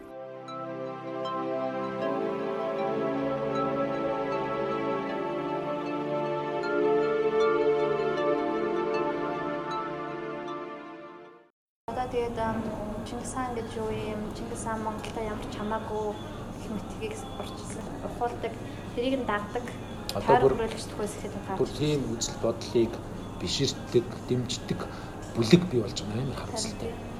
Бид нар ямар нэг төрөө баахан ч үе бурхан гэж ярьлаа. Монгол үндэстэнд бурхан шүтээ гэж байх юм бол Чингис хаан. Ягаад гэвэл энэ Чингис хааны хаан зөвхөн дэлхийн талыг эзэлсэн гэдэг сурталчлаад байдаг учраас бид нар чинь тэр бурхан биш болчихж байгаа байхгүй. Аа дэлхийн талыг эзэлсэн нэг муу байлдаанч цэргийн алуурчин гэж солиороод байгаа байхгүй. Гэтэл үүндээ Чингис хааны бий болгосон агуух гавьяа бол Монгол гэдэг үндэстнийг бий болгосон. Хэрэг Чингис хаан тэгэхэд үндэстэн бий болоогүй бол одоо тэрнээс хойш ч мянган жил өнгөрөх гэж штэ. Энэ мянган жил Монгол үндэстэн гэдэг нь Орос үг алах болно штэ. Тэр хүн нэгтгэж цол олгоход л бид нэр хідэн хэсэг дасраад одоо 3 саяулахна ингээ байж байгаа юм чинь тэр хүн бий болгоог бол бид нар ерөөсөн байхгүй. Тэгэхээр биднэрт Монгол гэдэг яриа мараа тийм ерөөсөн байхгүй. Энд чинь аюулгүй болон бүхэл бүтэн үндэстний мянган жилийн турш явах өөрийгөө авчих оюун санааных нь дархлаад тэр хүн бий болгоцсон. Энд чинь нэгдүгээр агуу зүйл. Хоёрдугаар Монгол бичиг гэдэг бол өнөөдөр дэлхийд ганцхан Монгол үндэстэнд л байгаа. Дэлхийд дээр хэдхэн бичиг байгаа. Тэрний төгс боловсрцсан амар том бичиг үсгийн түрүү бид хоёр ярьсан кодын амар том систем. Энэ кодын систем чинь сэтгэлгээний аюул том систем дагуулж байгаа. Сэтгэлгээний аюул том системээс гадна тэрнийг бүрлдэж бий болсон хилцүү дүрм бүх юм зэгцрэх хүртэл явсан амар том хөгжил гэж байгаа. Энэ хөгжлийг дагаад хүний аюул том оюун санааны том тесрэл өсрэлтүүд явсан байна. Энэ бүхнийг системчилж анх хүн чинь улсын бичиг зарсан Чингис хаан Чингис хааны зарлиг. Тэгэхээр энэ Чингис хаан Монгол үндэстнийг угсаатных нь хувьд бий болгоод хоёрдугаар оюун санааных нь хувьд тэр Монгол үндэстний сэтгэлгээг авч явах кодыг өөрөө баталгааж байсан. Энэ бол гайхамшиг ийм хорвоо дээр хорвоо дээр ийм гайхамшиг бүтээсэн хүмүүс олон байхгүй. Александр бол нийтлэл гүрэн байгуулсан боловч хизээч тийм бүхэл бүтэн үндэстнийг оюун санааны кодтой бий болгоогүй. Наполеон бол айл эрт кодонд тогтцсон байсан угсаатныг цэргийн зохион байгуулалтанд оруулж хитэн аянд байсан. Гэтэл Чингис хаан бол огт байхгүй байсан тавхаа батархай нийтлэл шаймуудыг системтэй нэг бүтэн улс болгоод тэр нь дэлхийд дээр тухайн үедээ хамгийн хүчтэй улс болгоод тэр улс үндэстнийг ахаад хичнээн том түүхийн элдв нугж байгаараа тал талаас нь хичнээн хаз залглаа гэсэн ямар ч байсан холомт нь хийсчихгүй үлдэхээр хэмжээний тийм мундаг зангидаад үлдээсэн. Гэхдээ хажуугаар нь тэр үндэстнийг өөрийнхөө бүх өөх түүх Чингисээс хойш бүх өөх түүхийг бичжүүлдэг бичиг соёлын кодын бүтцийн системийг олжлсан. Энэ бол агуу юм байна. Гэтэл өнөөдөр тэр хүний чи яадаг гэнэ үү? Стар хэтрүүлж байна. Энэ бол зүгээр л миний бодлоор тэр хүмүүс мунхагтаа хийж байгаа ажил биш байхаа. Энэ зүгээр энд тэндээс явуулдаг бодлогод үйлчилж байгаа л гэж бодож байна. Үндэстэнд дурсамж тэгээ санах хоёр хэр чухал. Миний бодлоор одоо бид нэр илүү дурсамжинд долдуудаж амьдраад санах хой одоо хүмүүс бас бид нар тэр геноцидны тухайг мэдэхгүй шүү дээ. Одоо жишээ нь хүмүүс ингэж яриад байгаа. Өнгөрсөн хэрэггүй. Одоо өнгөрсөн байлаа хангалттай. Өнгөрснөө ярих болоод ирээдүг. Тэгэхгүй бол бид нар нэг баахан өнгөрснөө ярьж өнгөрсөн хүмүүс баларлаа гэдэг байгаа байхгүй. Гэтэл яг энэнийг ингээд өнгөцгөө харахаар айгүй үний юм шиг хүмүүс сонсдог. Яг гэвэл хүн үнэмшилтэй сонсогдож байгаа юм хурдх намайхан байдаг. Гэтэл яг үний үний иргэд дээр биднэрт ямар ч үндэстэнд чухал үзэх энэ үндэстнийг бусад үндэстнээс ялгаруулах юу байна гэдгийг эхлээд тодорхойлж ич тэр үндэстэн цаашаа. Монгол жишээлбэл дав дав даруй Монгол үндэстнийг бусад үндэстнээс ялгаруулж ойлгох хамгийн ихний зүйл. Тэр бид нар л бахарахгүй бол энэ хиндийг булгаад авчихна бид нар бахархаж чинь гэж чинь өмчлөж чинь гэсэн үг. Бид нар Чингис хаан нараа бахархаж чинь гэдэг бол Чингис хаан Монгол хүн байсан гэдэг итгэл үнэмшил Монгол хүн болгонд байна. Чингис хаан агуу хүн байсан гэдэг итгэл үнэмшил Монгол хүн болгонд байна гэдэг чинь Монгол хүн Монгол үндэстэн энэ Чингис хаанаа өөрийн аваад байгаа. Тэр бид нар Чингисийг чи ирээдүгөө ярина Чингисийг ярихгүй гэдэг юм бол гурван үеийн дараа Чингисийг бид нар дөнгөж саяхан 70 жилийн турш Чингисийг за 70 байлиг 40-оос 50 жилийн турш хагас зууны турш Чингисийг ярихгүй байхад бид бүгд мартсан шүү дээ. 50 жилийн дотор. 50 жилийн дотор Чингис хааныг мартаж чадж байгаа юм чинь бид нэр эргээд одоо энэ сурталчилгааг хүчтэй явуулах юм 2050-аас 2100 оны хооронд дахиад болно. Яг л мартагдчих болдог зүйл байна. Тэгэхээр энэнийг байн апдейтлж явахгүй бол энэ зүгээр л алга болчихно. Хэрэг зүгээр л алга болчих юм бол бид нэр 50 оноос 2100 он хүртэл Чингисийг мартуулчаад 2100 онд Чингис хаан Солонгос хүн байсан гэхэд бид нэр өө тийм үгээд Солонгосыг агуу дайчин үндэстэн Солонгосын нууц төвчөг уншилцгаая гэдээ явна шүү дээ. Юм чи тийм байхгүй. Тэгэхээр бид нэр хизээч ин залгаж ирсэн оюун санааг дунд нь завсар гаргаж болохгүй. Завсар гаргах юм бол бид нэр эргээд барьж авч чадахгүй. Бид нэр ийм их том завсар гаргаад барьж авсан одоо дахиад алдах хэрэггүй байхгүй. Тэгэхээр бид нэр дав даруй бахарах ёстой, дав даруй энэ үндэснийг тодорхойлох ёстой зүйлээс хийж татлаа. Мэдээж зөвхөн энэгээр амжиж болохгүй л дээ.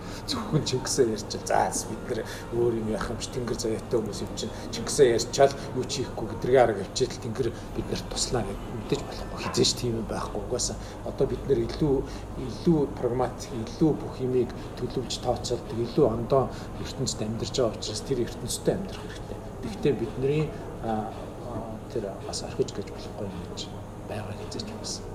Та Тэнгэрийн сулар гэдэг ном бичсэн шүү дээ. Non fiction бүлгийн ном баг.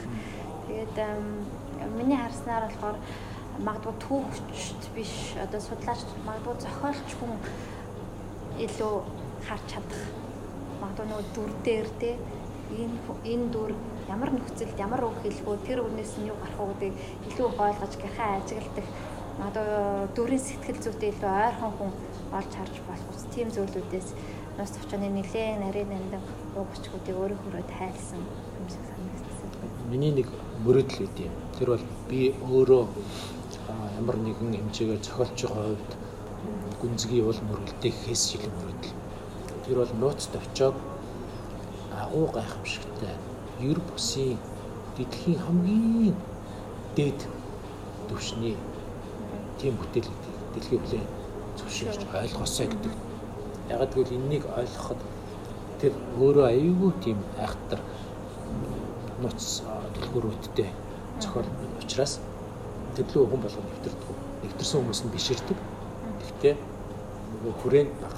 Яг гэвэл тэр чинь нийт зориулагдсан юм шүү дээ. Одоо жишээлбэл тэрнээс би нууц тавчны тэр юуг ид ингээл юу яаж хад 10 зохиол нэрлэж гэл нэг хүн тэгсэн. Тэгээд би 10 цэхэл нийтлэл явуулсан чил намайг өстө баахан хүмүүс нууц тавьчаагаач хилчихгүй байж ээж нь би бэлгэллээ мэллээ гэж баахан хүмүүс цагаасан. Би тэр үед яг нууц тавьчааны тухай юм бичээ суучихсан байхгүй. Би яагаад гэсэн би нууц тавьчааг би харамлж байгаа байхгүй. Яагаад гэвэл нийтэд ингээл зарлцдаг тийм юм биш. Энэ бол онцгой дээд түвшний. Онцгой дээд түвшиндээ одоо дэлхийн уран зохиол онцгой дээд түвшний ном гэх юм бол бид нэр 100 ном нэрлэхгүй шүү дээ. Яг онцгой дээд түвшин гэх юм. Тэгтэл тэр дотор За онцгой дээд түвшний 50 ном дотор гарцаагүй нэрлэгддэг болох цаг үе ирэх баг. Тэрний тэрний дараа Монгол үндэстнийг харах хүмүүсийн хандлага шат өөрчлөлт. Жишээлбэл яагаад одоо жишээлбэл Ирландыг Англи колоничлол бүр байхгүй болгож явах үед Ирланд гэдэг үндэстэн үндэстнийхээ хувьд зүгээр л Английн ястан болох хэмжээнд алга болж явах үед Joyce Joyce гарч ирэл Joyce ямар амар үндэсийг мэдчихэж байгаа тийм бүх юмнууд нь Ингээл байгаа мөртлөө тэр чинь бүр өөрийнхөө Ирландд дургу Ирланд бол хог навш гэж ярьдаг мөртлөө зохиолууд ямар их Ирландд хайртай ямар их Ирланд. Одоо өнөөдөр Ирланд бол ерөөсөө л дэлхийн уран зохиолын газрын зүрэг гэж байвал эзэд гүрэн шиг тийм супер үндэстэй. Ирланд бол яг л Англитай тэнцгээр Шекспир, Жойс хоёр энд хэрэгцээр. Энэ шиг нуус тавчааг бид нэр яг жинхнээр нь хүмүүст яагаад ямар сүпер вэ гэдгийг заглаад гэдэг яач чадах юм бол тэгэх юм бол үнэхээр Монгол бол цаа цаа эдгэртэй ярилтгүй амар арт юм байна гэж хүмүүс ингэж амар арт юм байна гэж яасан хүн харангуйтаа ёо гэсэн Улаанбаатар нь нутаатай юм уу гэдээ орт хийхгүй шин. Ягаад гэвэл эдгээр бол шал өөр эднэрт нэг л юм байгаа гэдгийг хүмүүс олж харсан дараа хүндэтгэлтэй. Ер нь үндэстнийг юугаар хүндэлтэй. Арабууд хинч хүндлэхгүй шин. Ямар баяр алтан жорлонтой алтан стестигээл ярьлаа гэхэд энэ хүндэл хүлээх юм мөн үү? Зүгээр цаг зуурын нэг тийм сенсац ч юм уу тийм л юм шиг.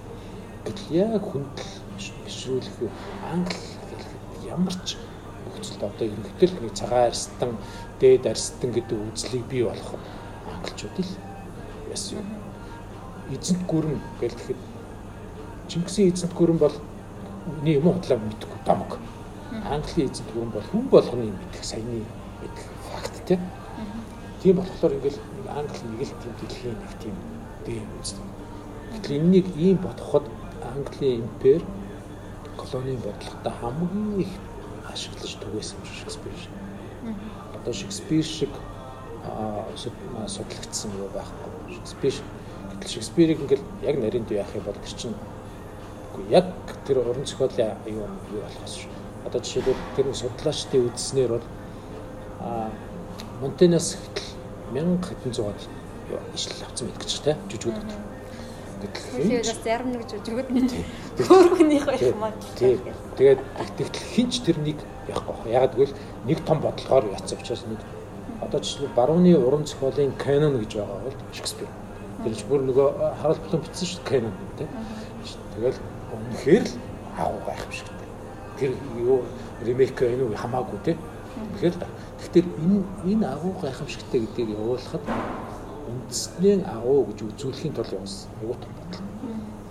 Тэгэхээр бид нар магадгүй Монголын эдийн засгийг жилийн 20% тө өсөх гэж оролдохын оронд нууц төвчөөний юг дэлхийн оюун санааны аюулсаа суулгатай бол угаасаа мэдж байгаа. Угаасаа суперүүд нь бүгд мэдж байгаа. Угаасаа одоо нууц төвчөөний хамгийн лаг гайлгууд чинь надад баруун дахин хийсэн байгаа шүү дээ. Гэтэл бид нар яг Монгол хүн яаж тайлбаргүй, Монгол хүн яаж байдгүй, энэ ямар аймар нэг өгүүлбэр нь хичнээн дахиж цуврайтах юутай ямар аймар текст вэ гэдгийг. Одоо бид нар зүгээр хамгийн энгийнээр байхад тэр чинь их нь хятадаар байгаагаа солиорд байгаа байхгүй. Тэгэхээр өнөөдөр тий өнөөдөр жишээлбэл та нар англи үсгээр би виндэ мессеж биччихэд би англиар ярьж гэж англиар биччихлээ гэж хэлэхгүй үстэй. Монгол хэлээр англи үсэг. Яг тэрэн шиг хандсны үсгээр монгол хэлээр бичсэн гэж л нь хятадаар байдаг юм инглиэр. Тэр энэнийг бол мэдэхгүй юм биш байхаа мэдэн бодолж байгаа ч биш байх. Бас нэг тийм зориуд нэг тийм гой болох бодлого бас юм юм шиг би. Аа түрүү нөгөө бид хоёр Мари Лозаг ярьж ирсэн. Тэр зохиол бичгтээ санамсаргүй юмнууд гарч ирэх, зохиолч байгаа хүртэл цочирдуулам тийм гинти эргэлтүүд гарч ирэх. Энэ уран бүтээлийн илүү таашаалтай болгодог биш үү? Та тийм таашаал хэрэг авдаг. Ер нь ер нь зохиолыг ер нь төлөвлөх боломжгүй шүү дээ. Ерөнхий юуг н арга ясын төлөвлөж болно. За нэг ингэн иймэрхүү юм бэ. Яг гэвэл бүх зохиол яг бичигдэх явц гэдэг чинь өөрөө бүх шийддэг. А тэр хүн жишээлбэл залхуураа зарим хэсгийг алгасмаар болж болно. Ботроо бодоод байгаа хүртэл за энэ ингэ шүү одоо энэ энтэс гараад энэ хүртэл явныг бодсон хүртэл яаж бичих вэ алгасч. Гэтэ тэр алгасж байгаа явц чинь өөрөө бичигдэж байгаа явц шүү дээ. Тэгэхээр зохиол эцсийн дүндээ ямар байх вэ гэдгийг бичигдэж байгаа явц шийдэж байгаа. Тэгэхээр бичигдэж байгаа явцад хүн өөрөө ч бодоогүй бодож төлөвснөөс ондоо юм гарах нь зарим талд сайн зарим талд муу. Гэхдээ тэр нь илүү их байх тусмаа л тэр зохиол амттай яг гэвэл тэр хүн өөрөө өөрөө мэдхгүй юм руу явж штэ. А тэр чиний хэлсэн тэр олоосаа нэг бүрчилж өгүүлбэр болгоныг толгойд бичиж нөгөөтгийгөө буцаагаад буулгачдаг хэрэг чи ямар ч сонирхолгүй ажиллах тийм ажил хийж үнэхээр яах юм гэд хэлж байгаа чинь зүг байхгүй.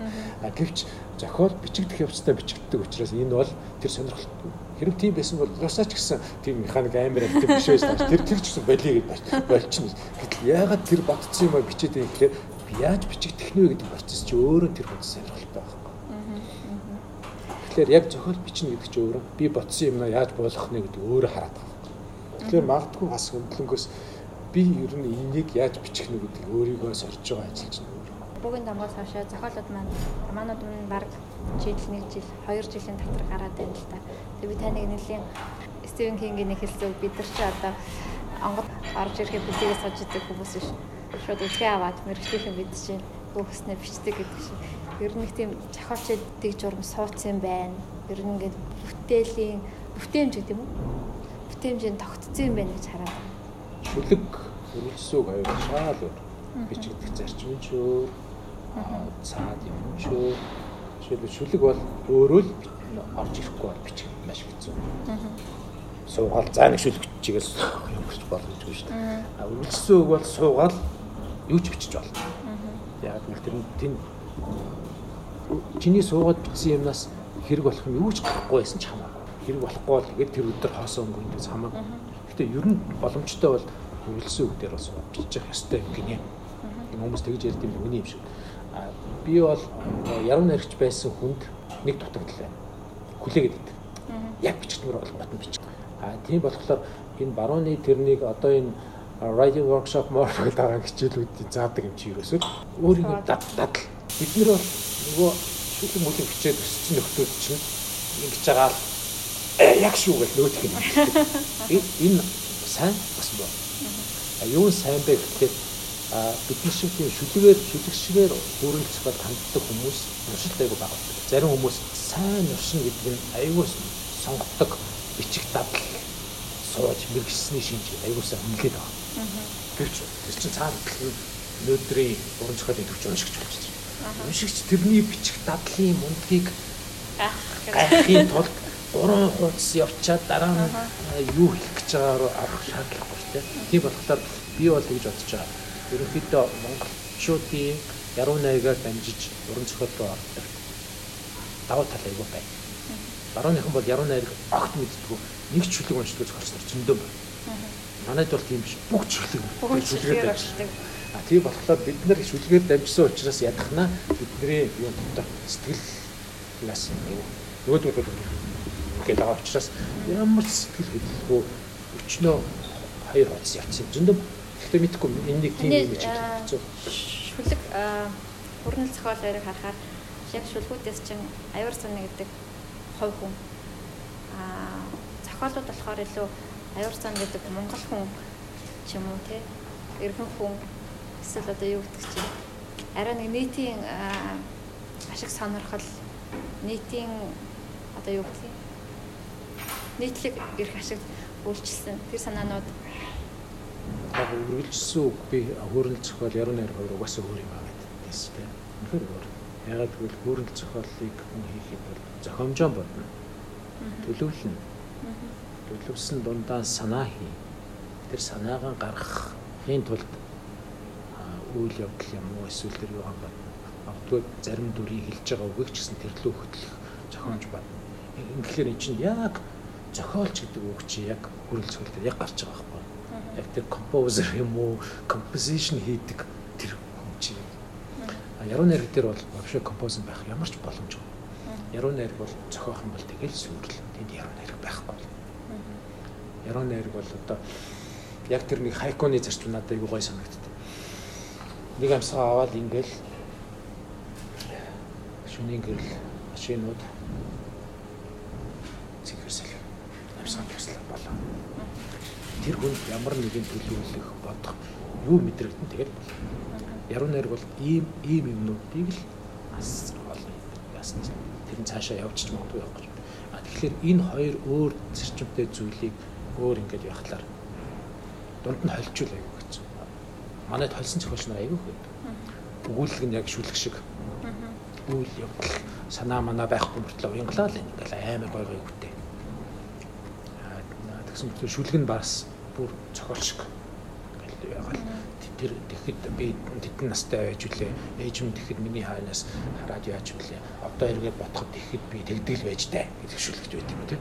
Өөр юм өөр гэдэг чинь өөрлөх байх хэрэгтэй шүү дээ. Бид нар энийг ч зэгцлээ бо. Тэгээ энэ Монголын онцлог байж болно л доо. Тэгтэл бид нар бас энэ дээр яг ийм хүмүүсүүд алдсан юм аа тийм болохоор би аюур цан гэдэг яруу найрагч аюурцэн гэдэг зохиолч хоёр хоорондоо дис өөр юм шиг харагдаж байгаа бол болчихно л гэж.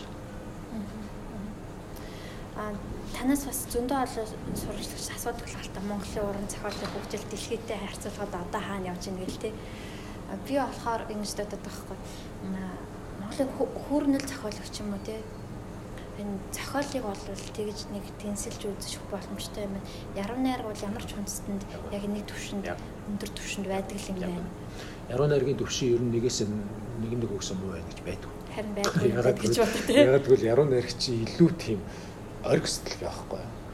Тэр чи ягаад гэвэл цас орлоо ямар гоё юм бэ гэд ардаас нь одоо энэ энэ хоёрыг хинч байна. Одоо энэнийг шүлэг болгохын тулд одоо жинхэнэ юм аа ард нь хийх хэрэгтэй тийм. Энэнийг ямар ч үндэсний хүн тэр жинхэнэ юм олоод хэлчихвэл зас орлоо ямар гоё юм бэ гэдэг мөрийг ямар ч хүн хэлж учраас ямар ч үндэсний хүн энэний доотлол энэнийг яруу найраг болох гурав дахь мөрийг зохиож олох. Хэнийг ч чадахч.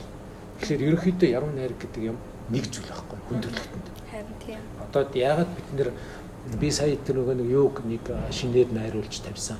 Яагаад гэвэл тэр нөгөө жинхэнэ ихээсээ айгүй өөр юм билээ. Гүнжис хотрогоо тэр юунаас буулгаж ирсэн нөгөө нэг хаанжигээ гэдэг тайхын доо.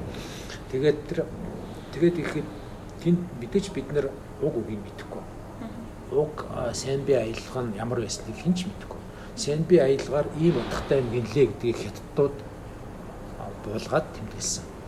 Тэгэхээр тэрний бид нэр уншаад өнөөдөр ямар гайхамшигтай юм бэ шүүс алдаад шүү дээ. Тэгэхээр бидний нөгөө нэг үеийн үед ярьж ирсэн яруу найраг орчуулагдчихгүй гэдэг юм биш. Яруу найраг бол үгэндээ биш.